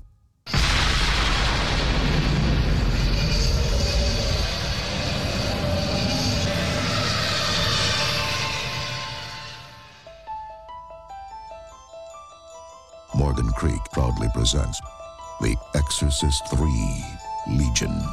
Written and directed by William Peter Blatty, creator of The Exorcist. 15 år etter hendelsene hos McNeil-familien, som endte med fader Carras' død, så skjer det grusomme mord i Georgetown, Washington. Politietterforsker Kinderman er på saken. Politi. Oi, jeg, jeg tror ikke eh, noen hørte meg, for jeg var muta, men jeg sa politi. Sa du politi? Eh, ja. I mute. Ja, etterforsker Kinderman han er på saken, og sporene ser ut til å peke mot The Gemini Killer. En massemorder som opererte for over 15 år sia. Han òg. Mm. Eh, Men han møtte sitt endelikt den gangen i den elektriske stolen. Så hva er så koblingen da mellom fader Carus Kinderman finner i en celle i sinnssykehuset? ja, you tell me. You tell me. Eh, Det jeg først vil begynne å fortelle om, at Exorcisten 3 er jo kanskje Ja, det er jo en mer ekte oppfører da, enn toeren. Uh, Ja, for den er jo uh, Den er jo laga basert på oppfølgerboka. Legion. Ja. Mm. Uh, og både bok, screenplay og regi er denne gangen av William Peter Blatty sjøl, da. Ja. Som igjen er basert rydde på. Ja, han er igjen basert der på virkelige hendelser, da. Ja. Eh, så, ja. The Gemini Killer, altså en massemorder som eh, er fengsla og drept. Inspirert av The Zodiac Killer. The Zodiac Killer, ja. Eh, manifesterer seg da via Carras, som er på et sinnssykehus. Ja. Eh, det spørs jo litt hvilken cut du ser, egentlig. For sånn i den opprinnelige Nei, hva blir det igjen? Eh, jo, jeg tror det er i den Legion cut uh, som kom nå for, for et par år sia. Så ser du uh, For eh, i, i kinoversjonen så spilles jo han eh, Father Carras både av originale skuespilleren, han Miller, Miller, og, og Brad eh, Dourif. Mens, eh, opp, mens den egentlige tankegangen, tror jeg, og som i hvert fall de har gjort eh, i Legion, er at han, sk- de har kun brukt opptak av Brad Dourif, fordi du skal være usikker på om liksom, han er eh, den ekte Carras eller ikke, da. Okay. Eh, så i den Legion-cutten eh, så er det jo sånn som jeg har forstått det, for jeg har ikke sett den, jeg har bare sett Theatrical, så er det bare Brad uh, Dourif, da. Så da riktig. er du liksom Ja, det... Da er i hvert fall tanken at du skal være litt mer i, tv i tvil om liksom, om han er den ekte Father Carras, da. Ja. Ja, og Det er jo ganske mange forskjeller på de to cutsa, så det kan vi jo komme tilbake litt etterpå. Will Mm. the real Father Caras please stand up? Ja, Were the real? Father Carras, please stand up. Ja, for det, Som vi snakka om, da, Kinderman er jo tilbake igjen her. Eh, men det er George C. Scott som nå spiller han. Mm. Eh, Kjenner godt fra en av mine favorittgysere, um, The Changeling. ja visst, Ja, absolutt. Ja, det var der jeg hadde den fra. 1984, det husker jeg ikke. Han eh, overspiller litt her, men det funker, Eldre. liksom. Den er eldre. Han er eh, Er fra 80, Ja, vel? 1980, vel. Ja. Nei, men Josh. Scott overspiller litt, men det funker på en måte da, i, i settinga her. Han eh, hva skal jeg si, han minner mer om sånn ja, sånn typisk sånn der, øhm, politietterforsker fra filmer på 70- og 80-tallet. Ja. At han flyr litt rundt og så er sånn besserwisser på en måte. og Ja, litt sånn type, liksom. Ja, veldig sånn type. Eh, og han har, har jo hatt et uh, vennskap gående med Fad, Father eh, Dyer, da. Ja. Som eh, det blir lagt opp til eh, i den uh, Første. utgaven av Eksorsisten Mm. fra 2000. Mm. Og sikkert i boka. Da, som vi ikke og sånn, ja. Ja. Mm. Eh, ellers, så, som du sier, Jason Miller er jo tilbake som Carries i den versjonen jeg så, i hvert fall. Eh, Ja, i Theatrical så er den det. Ja. Og Brad Dourif Men det bytt, klippes mellom han og Brad Dourif. Ja, for det er liksom når det er Carras vi snakker om, så er det jo Jason Miller. Mens når det er The Gemini Killer, så er det Brad Dourif, da. Mm. Eh, Så det er ganske kløktig eh, lagd sånn sett, liksom. Ja, Som Mm. da viser seg å være egentlig den samme personen som til slutt. Eh, spoiler. Ja, det er jo selvfølgelig her uh, eksorsistdelen kommer ut. Ja, kanskje litt moro det òg, at det her heller er ikke nødvendigvis så mye eksorsisme ute og går. Nei, Mm. Så, men uh, ja. selv om det på en måte er det allikevel. ja. Altså, I boka var det ingenting. Var det Så- ikke? Nei. nei. Så han har endra litt uh, fra boka, altså. Ja. Uh, det, og første klippen av filmen òg var det ikke noe eksorsisme med, men det var ikke studio noe fornøyd med. Ja, så det er derfor Så de måtte eh, tilbake, ja. Og, og Det er jo litt sånn grunnleggende at det bør være med litt eksorsisme i The Exorcist. Ja, men Blatty ville jo kalle filmen for Legion òg, Ja. så han ville jo kalle det opp etter boka. Mm. Men selskap, eller filmselskapet ville jo ha en Exorcisten-film, for det, det er jo det som selger. ja. Ja. Jeg lurer på om den nye cutten bare heter Legion òg, jeg. Litt usikker. Ja, I traileren så sier de jo Exorcist 3 Legion. Ja, den var jo fra 90-tallet, den traileren jeg spilte Ja, okay. nå. Ja. Den eh, Legion-cutten kommer vel i 2017 eller 2018, eller Det jeg er husker ikke. 2016, ja, 2017, vel, ja. De fant eh, Den var jo lenge ansett som tapt, den, men så fant den i 19, 2016 igjen. Så den kommer jo ut rett før Blatty døde, rett og slett, den i 2017. Ja. Mm. Kanskje bare kalle en film for tapt. Mange filmer som er tapt. Mm. Særlig fra starten av århundret, 1900-tallet, for de nitratfilmene brant jo opp. Ja, riktig. Eh, ja, nei, men videre Har du ikke sett den uh, Åh. Nå får jeg den der brainfarten igjen. Jeg vet jo så godt hva den eh, filmen Cinema Paradiso. Ja, ja, ja. Hørte om. Mm. Fransk? Italiensk. Fransk, Italiensk, mener jeg. Veldig bra. Bør ses. Uh, der uh, er det jo et tilfelle hvor det skjer. Mm. Eh, Den er litt sånn småspeisa her òg. Det er litt sånn drømmescener og litt sånn ting som foregår, da. Ja. Og i den drømmescenen så er det jo artige cameos. Fabio, blant annet. Han derre blonde uh, supermodellen. Ja, han som er mest kjent for Ja. å ha blitt tegna på coveret på sånne husmorporno. For de har jo Ja. ikke brukt, det er, alle de coverne er jo tegna, ja, ja. men han har blitt kjent fordi han da har stått modell Del for dem, ja. for ja. de tegningene. Så det, det er en veldig rar måte å bli kjent på. Ja, så han dukker opp da, sammen med Larry King og Samuel L. Jackson. Ja. så det er litt sånn, ja. Hmm. En sprø sånn eh, scene der, da. Eh, ja, men ellers så, eh, som jeg sier, det, og det er litt sånn rart med de fleste Exorcisten-filmer, at det finnes så forskjellige cuts, da. Mm. Sånn som fireren og femmeren òg er egentlig samme filmen. Men uh, når uh, femmeren, som skulle vært fireren, var ferdig innspilt, så var ikke selskapet noe fornøyd. Ja. Så de ansatte Renny Harlin til å fikse den opp, da. Ja. Og han endte opp med å, å spille inn 90% av filmen på nytt igjen. Ja. Som da ble fireren. Mer om det når vi skal lage Ja, prequel-trilogien. eh, det som er gøy med det, episode at den, om noen år. den ble jo ikke noe anerkjent, den fireren. Så da slapp de femmeren, fireren som femmeren, sånn som han egentlig var. Men det ble ikke noe bedre, det heller. Men i Donald Duck, så er- der er jo and erkjent. Nå vet jeg, nå vet jeg i hvert fall om én lytter eh, som ligger eh, på gulvet på Røros og ler seg i hjel der han hører på oss gjennom DAB-radioen sin. Take the plague. Yes. Men de forskjellige cutsa, da. eh, Det er annet en scene hvor eh, han Carras de graver opp uh, liket hans. For at det, det kan jo ikke være han som er på sinnssykehuset. For han er jo død. Ja. Så de drar jo for å grave han opp og sånn. Det ser du jo ikke i den versjonen vi har sett nå, da. Nei, Så det er jo blant annet Nei for det en ringer ikke noen bjelle. Ja. Så viser det seg at det er en annen eh, eh, prest der, da. Uh, Fane.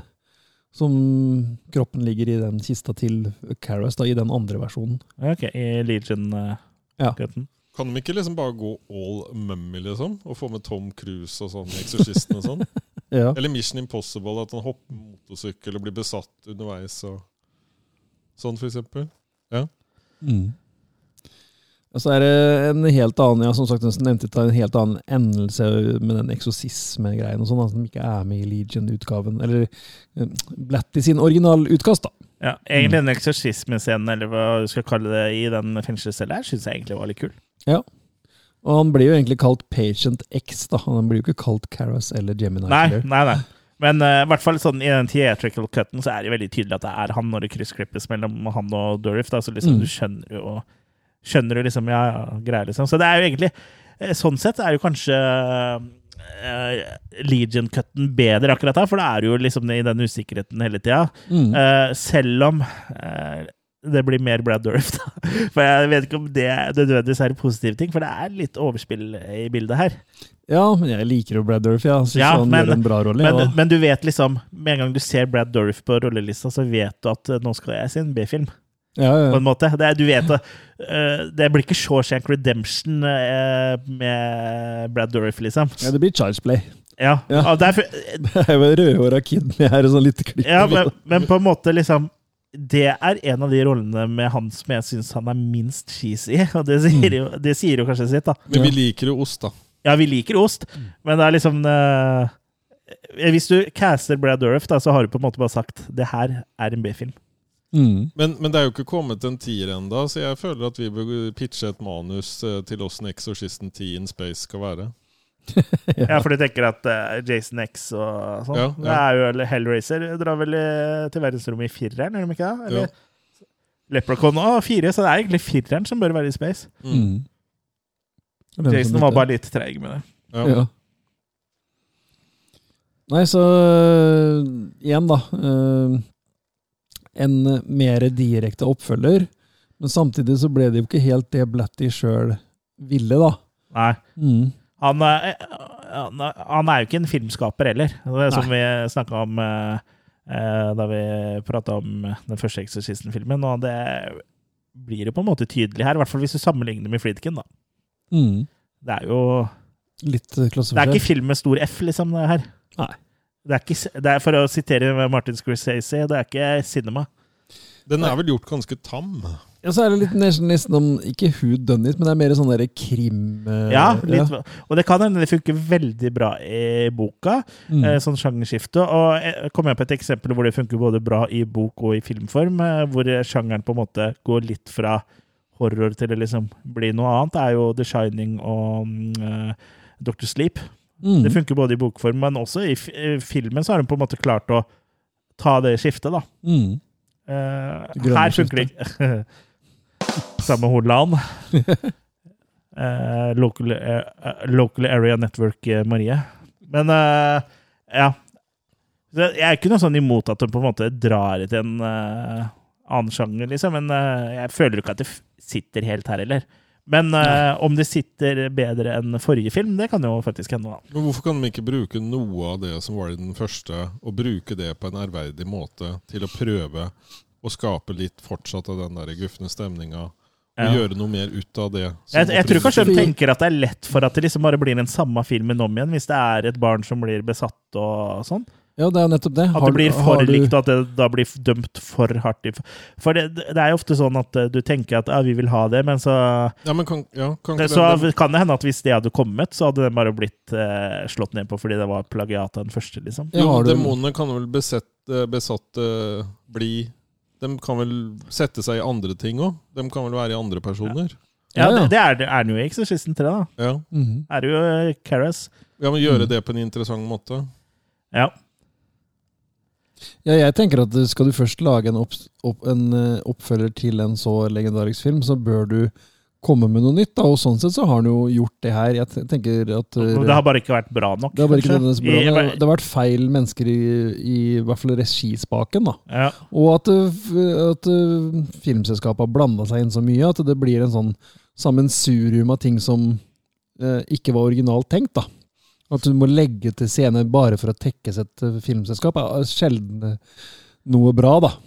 Veldig sjelden noe bra. Det Noen var- ganger så kan det ha noe for seg med Ja innspill fra, men uh, hvis en blander seg inn for mye, så ødelegger det jo oftere enn eh, motsatt. Men, men jeg tenker liksom hvis det hadde vært en person da, som ikke visste at vedkommende var besatt, som begynner f.eks. å ta livet av folk, og så blir det etterforska, funnet ut hva det her er for noe, så Mhm. skjønner de at det er en demon, og så på slutten drive ut den forbanna demonen. Og så er liksom det et konsept, da. Ja, det er jo nesten det, det- der, det her bortsett er, fra da, at han fordi- morderen sitter i fengsel, da. Mm. Eller Fordi i sinnssykehus. fa- han eh, Father Carras eh, har jo blitt til Gemini Killer. Mm. En prest Han har jo drept fordi han er besatt av Pazuzu, så Men ja, du kunne heller sett det liksom i Istedenfor bare sette etterdønningen av det, mener du kanskje? Ja, ja, at du ser killsa. Ja. ø, Det er ting som gjør inntrykk. Ø, følger opp det, da. For det, sånn sett så syns jeg det også er en, en, en artig tanke her, da. At der, Blatty kanskje mener at der, de mange drapsmenn, og særlig massedrapsmenn, kan være besatt, da. Mm. Eh, Her går de selvfølgelig litt lenger med å, å legge inn det at der, eh, han kan styre mennesker fra dette sinnssykehuset, da. Mm. For han får jo andre til å utføre disse morda. Mm. Uh, Men det er ikke noe tvil om at der, den demonen har jo Det hadde vært bedre å sett eh, det. Ja. Ja, ja, men at det var litt sånn inspirert av The Seven, for eksempel. Da. At en demon har bestemt seg for å bygge opp et eller annet på nytt igjen, og sette sammen ting, og liksom noe, noe sånt konsept. Mm. Ja, ja, men som jeg sier, det er, er jo litt det han har tenkt her. Mm. Men uh, han, han har skrevet det på den måten han har gjort. da. Mm. Han viser jo blant annet at, der, uh, at den demonen som har inntatt Karas, da, Mm. han, han insinuerer jo til at han var den samme demonen som også var i, i um, Gemini Killer. Ja. I og med at han vet om alt Gemini Killer har gjort. Han Mm. kan jo alt av ting som ikke uh, har blitt offentliggjort, da. Men hva heter den derre Vi så en sånn der film for lenge siden med noe politimann som ble helt sånn der gal og gikk rundt og drepte folk og mye sånn forskjellig. Ja, ja. Mm. Jo, men liksom at det ble eksempel en offentlig person da, som begynte å ta livet av folk, og som Ja, ja. på en måte gikk bananas. Ja, absolutt. Det er, det er mange muligheter her. sånn. Mm. Ja. Eh, jeg, Jeg tror ikke nødvendigvis ideen eh, her heller, verken i 'Eksorsisten 3 eller 2 er så dårlig i utgangspunktet. Det er bare Mm. gjennomføringa som er mm. resten. Og eh, hvis jeg skal dra fram eh, en eh, Nå vet jeg ikke om det blir noe bedre utover i serien, men eh, i hvert fall eh, en eh, film som har løst det på en annen måte, som jeg i hvert fall syns var ganske bra, selv om jeg ser at den ikke har så høy score på IMDb, er eh, The Possession of Hannah Grace, hvor det, det er en uh, dame som jobber på sånn morgue, altså likhus, som får inn uh, et lik, da, men som viser seg å ikke være dette likevel. For der er det jo en demon som er uh, inni henne. Den Ja, ja. mener jeg husker var ganske kul. Bare 5,2 på IMD, da, IMDb, da, men det trenger ikke å ha noe å si. Men eh, den mener jeg husker var kul, så den kunne vært en eh, mm.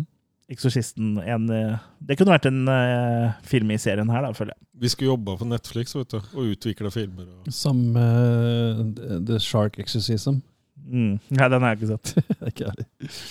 Den er sikkert bra. Nei, men Det også kunne jo vært da, at det var et dyr som ble besatt av en demon, og så ble den etter hvert overført til andre osv. osv.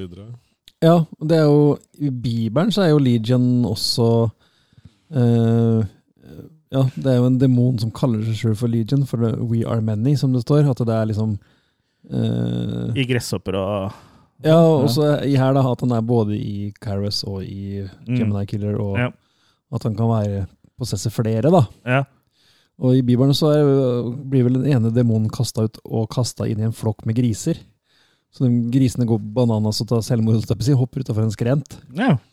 Så det er jo også i bibelsk eh, sett går an å, å prosesse eh, dyr, da. Men hvis det starter, da, eh, hvis det hadde vært i Norge, så starter det i en dyrepark. Så er det Julius som er besatt av en demon, Ja, og så overføres den demonen videre. til Sabeltann. kabelsatan. ja, det Terje er Formoe begynner å gå all uh, in, liksom. Han er Halli og dra, jeg er besatt igjen. Sabeltann og hans menn. Ja, han har jo mange sånne questionable eh, sidekicks, han. Med Pelle og Pisa. og ja, Ja, ja, ja. denne Heter det Gral? Her kommer Grenen av Gral, det er uh, fiende, ikke sidekick. Det har vært kult å lage sånn metal-versjon av den der Her kommer Julius. Ja, Ja. Et, Sabeltann Sabeltann. er jo nesten eh, tror jeg litt finnes. sånn eh, med, Kanskje ikke metal, men kanskje Jo, litt sånn eh, glam eh. Ja, Han har det- like sminke, iallfall. Ja. det, men noen av låtene kan jo, kan jo lett overføres til litt sånn glamrock. eh. Få med han Tror du det eh, finnes en metal-versjon av Det må du gjøre. Ja. Mm. Halli og dra, her er vi igjen.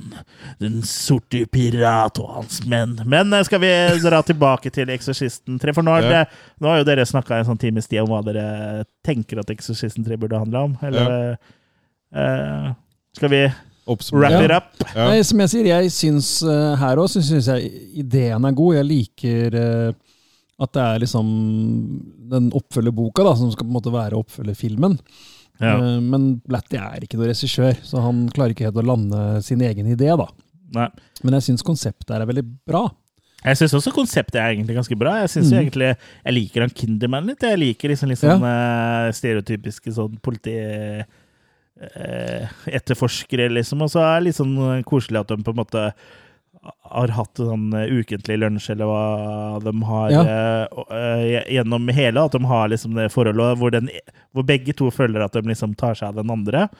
Mm. Uh, må jo også si at uh, måten han han uh, Dyer, eh, Dyer på dør Ja. på. At eh, han er på sjukehuset og liksom også bare finner dem en en uh, morgen liksom, hvor- han er død, og alt blodet hans er i Ja, tappa, glass på Uten at det er noe klin og Ja, ja. noe som helst. så det står i glass på sida av senga her. Mm. Sånne ting syns jeg er fett. Og det er Ja. ne nesten litt sånn innpå litt sånn Seven-aktig, som du uh, Ja. sier, eh, Jørgen. Så Mm. jeg syns jo det er mye kult der, men så er, blir det liksom også litt sånn Jeg blir litt dratt ut, da. Så savner jeg litt sånn politijaktscener og litt sånn. da. Ja. Hva skal, eh, hva skal de eh, jakte på? Hva tilfører Nei, en han som er besatt, Exorcisten-film? at han kjører i en bil, og de blir bilscener og litt sånn Ja, sånn, ja. ja. hit. Jeg, jeg savner mer eksorsisme, jeg, da. At det har mer skremmende ting og sånne ting. Mer besatthet. Ja, for det ligger jo liksom i tittelen, på en måte. Ja. Ja, men den demonen kan jo få han til å kjøre seg i hjel og sånn. Ja. Kan han se ganske stygg Jo, ja. ut, han. jeg- Mm. Vi har tatt det poenget nå. Men det, det er jo ikke i den filmen her, da. Nei, og Eksorsisten for meg skal være en, en, en, um, Du sitter på nåler nesten og har en sånn uh, Psykologisk. Ikke psykologisk heller, det er bare sånn en nerve, liksom. Og det mangler jo helt her, da. Ja, det var, var Ja, det er jeg enig i. Det, det er også borti toeren, selvfølgelig. Så litt sånn old school-skrekk. Ja, har, har det vært så mye trafikk der at du kan nerver i toeren, altså? Nei da. Um, men uh, ja Skal vi bare rulle terning, eller? Ja, jeg er på treeren her. Ja, jeg er også på en treer, for jeg syns den er bedre enn toeren. Så den er liksom litt sånn en ålreit B-film med potensial. Mm. men uh, den uh, klarer du ikke gjennomføre helt, da. Jeg er litt sånn snille-Chris i dag, så jeg Snille velger Thor. også å gi en firer, med håp om bedring. Du vil også gi en firer, ja. Sånn som Jeg vi andre som har tre. Jeg gir en firer. ja. ja, men det er bra, det. Mm. Er den bedre enn Alien? Ja. ja.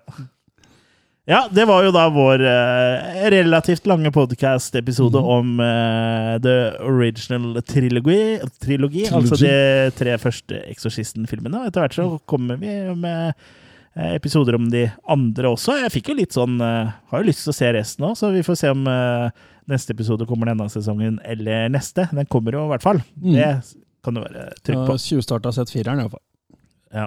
Så, var det Har du fortsatt lyst til å lage episode? Nei. Så det lover jo bra. Tune inn for episode Ja, for eh, prequel-trilogien som kommer da Ja, vi prøver å få Men til hvem er den tredje av den filmen, da? Altså, jeg bare sier det internett har uh, fortalt meg. For det har jo den jeg så nå, The Beginning, og så har du en som heter Dominion. Og det er jo liksom egentlig fireren og fireren, og fireren som har blitt firer og femmer. Bare snakk litt, så skal jeg Så, finne det ut. og så etter det så er det jo den der Ja. nye remaken, da. Som Det er det. Mm. Så er det en TV-serie da, som jeg Ja, driver og Ja. Så jeg, jeg, mangler, litt så, jeg, så jeg mangler en treer i den, den prequel... Uh, Eh, det kommer mer. Nei, Nei, vet du hva? Det er bare to. det er det, ja. Ja, ja, ja. Så det, med, det er jo ikke prequel-trilogi, men jeg så at det, det er original trilogy, prequel-films og sequel-trilogy. Mm. Fins det da ikke en firer? Jo, Jo, men uh, som uh, han var litt inne på, så er fireren og femmeren litt det er samme filmen. Ok. Den er bare spilt inn to ganger. Og den er hekta på den tråden vi driver med nå, med 1, 2, 3? Ja. Skjønner.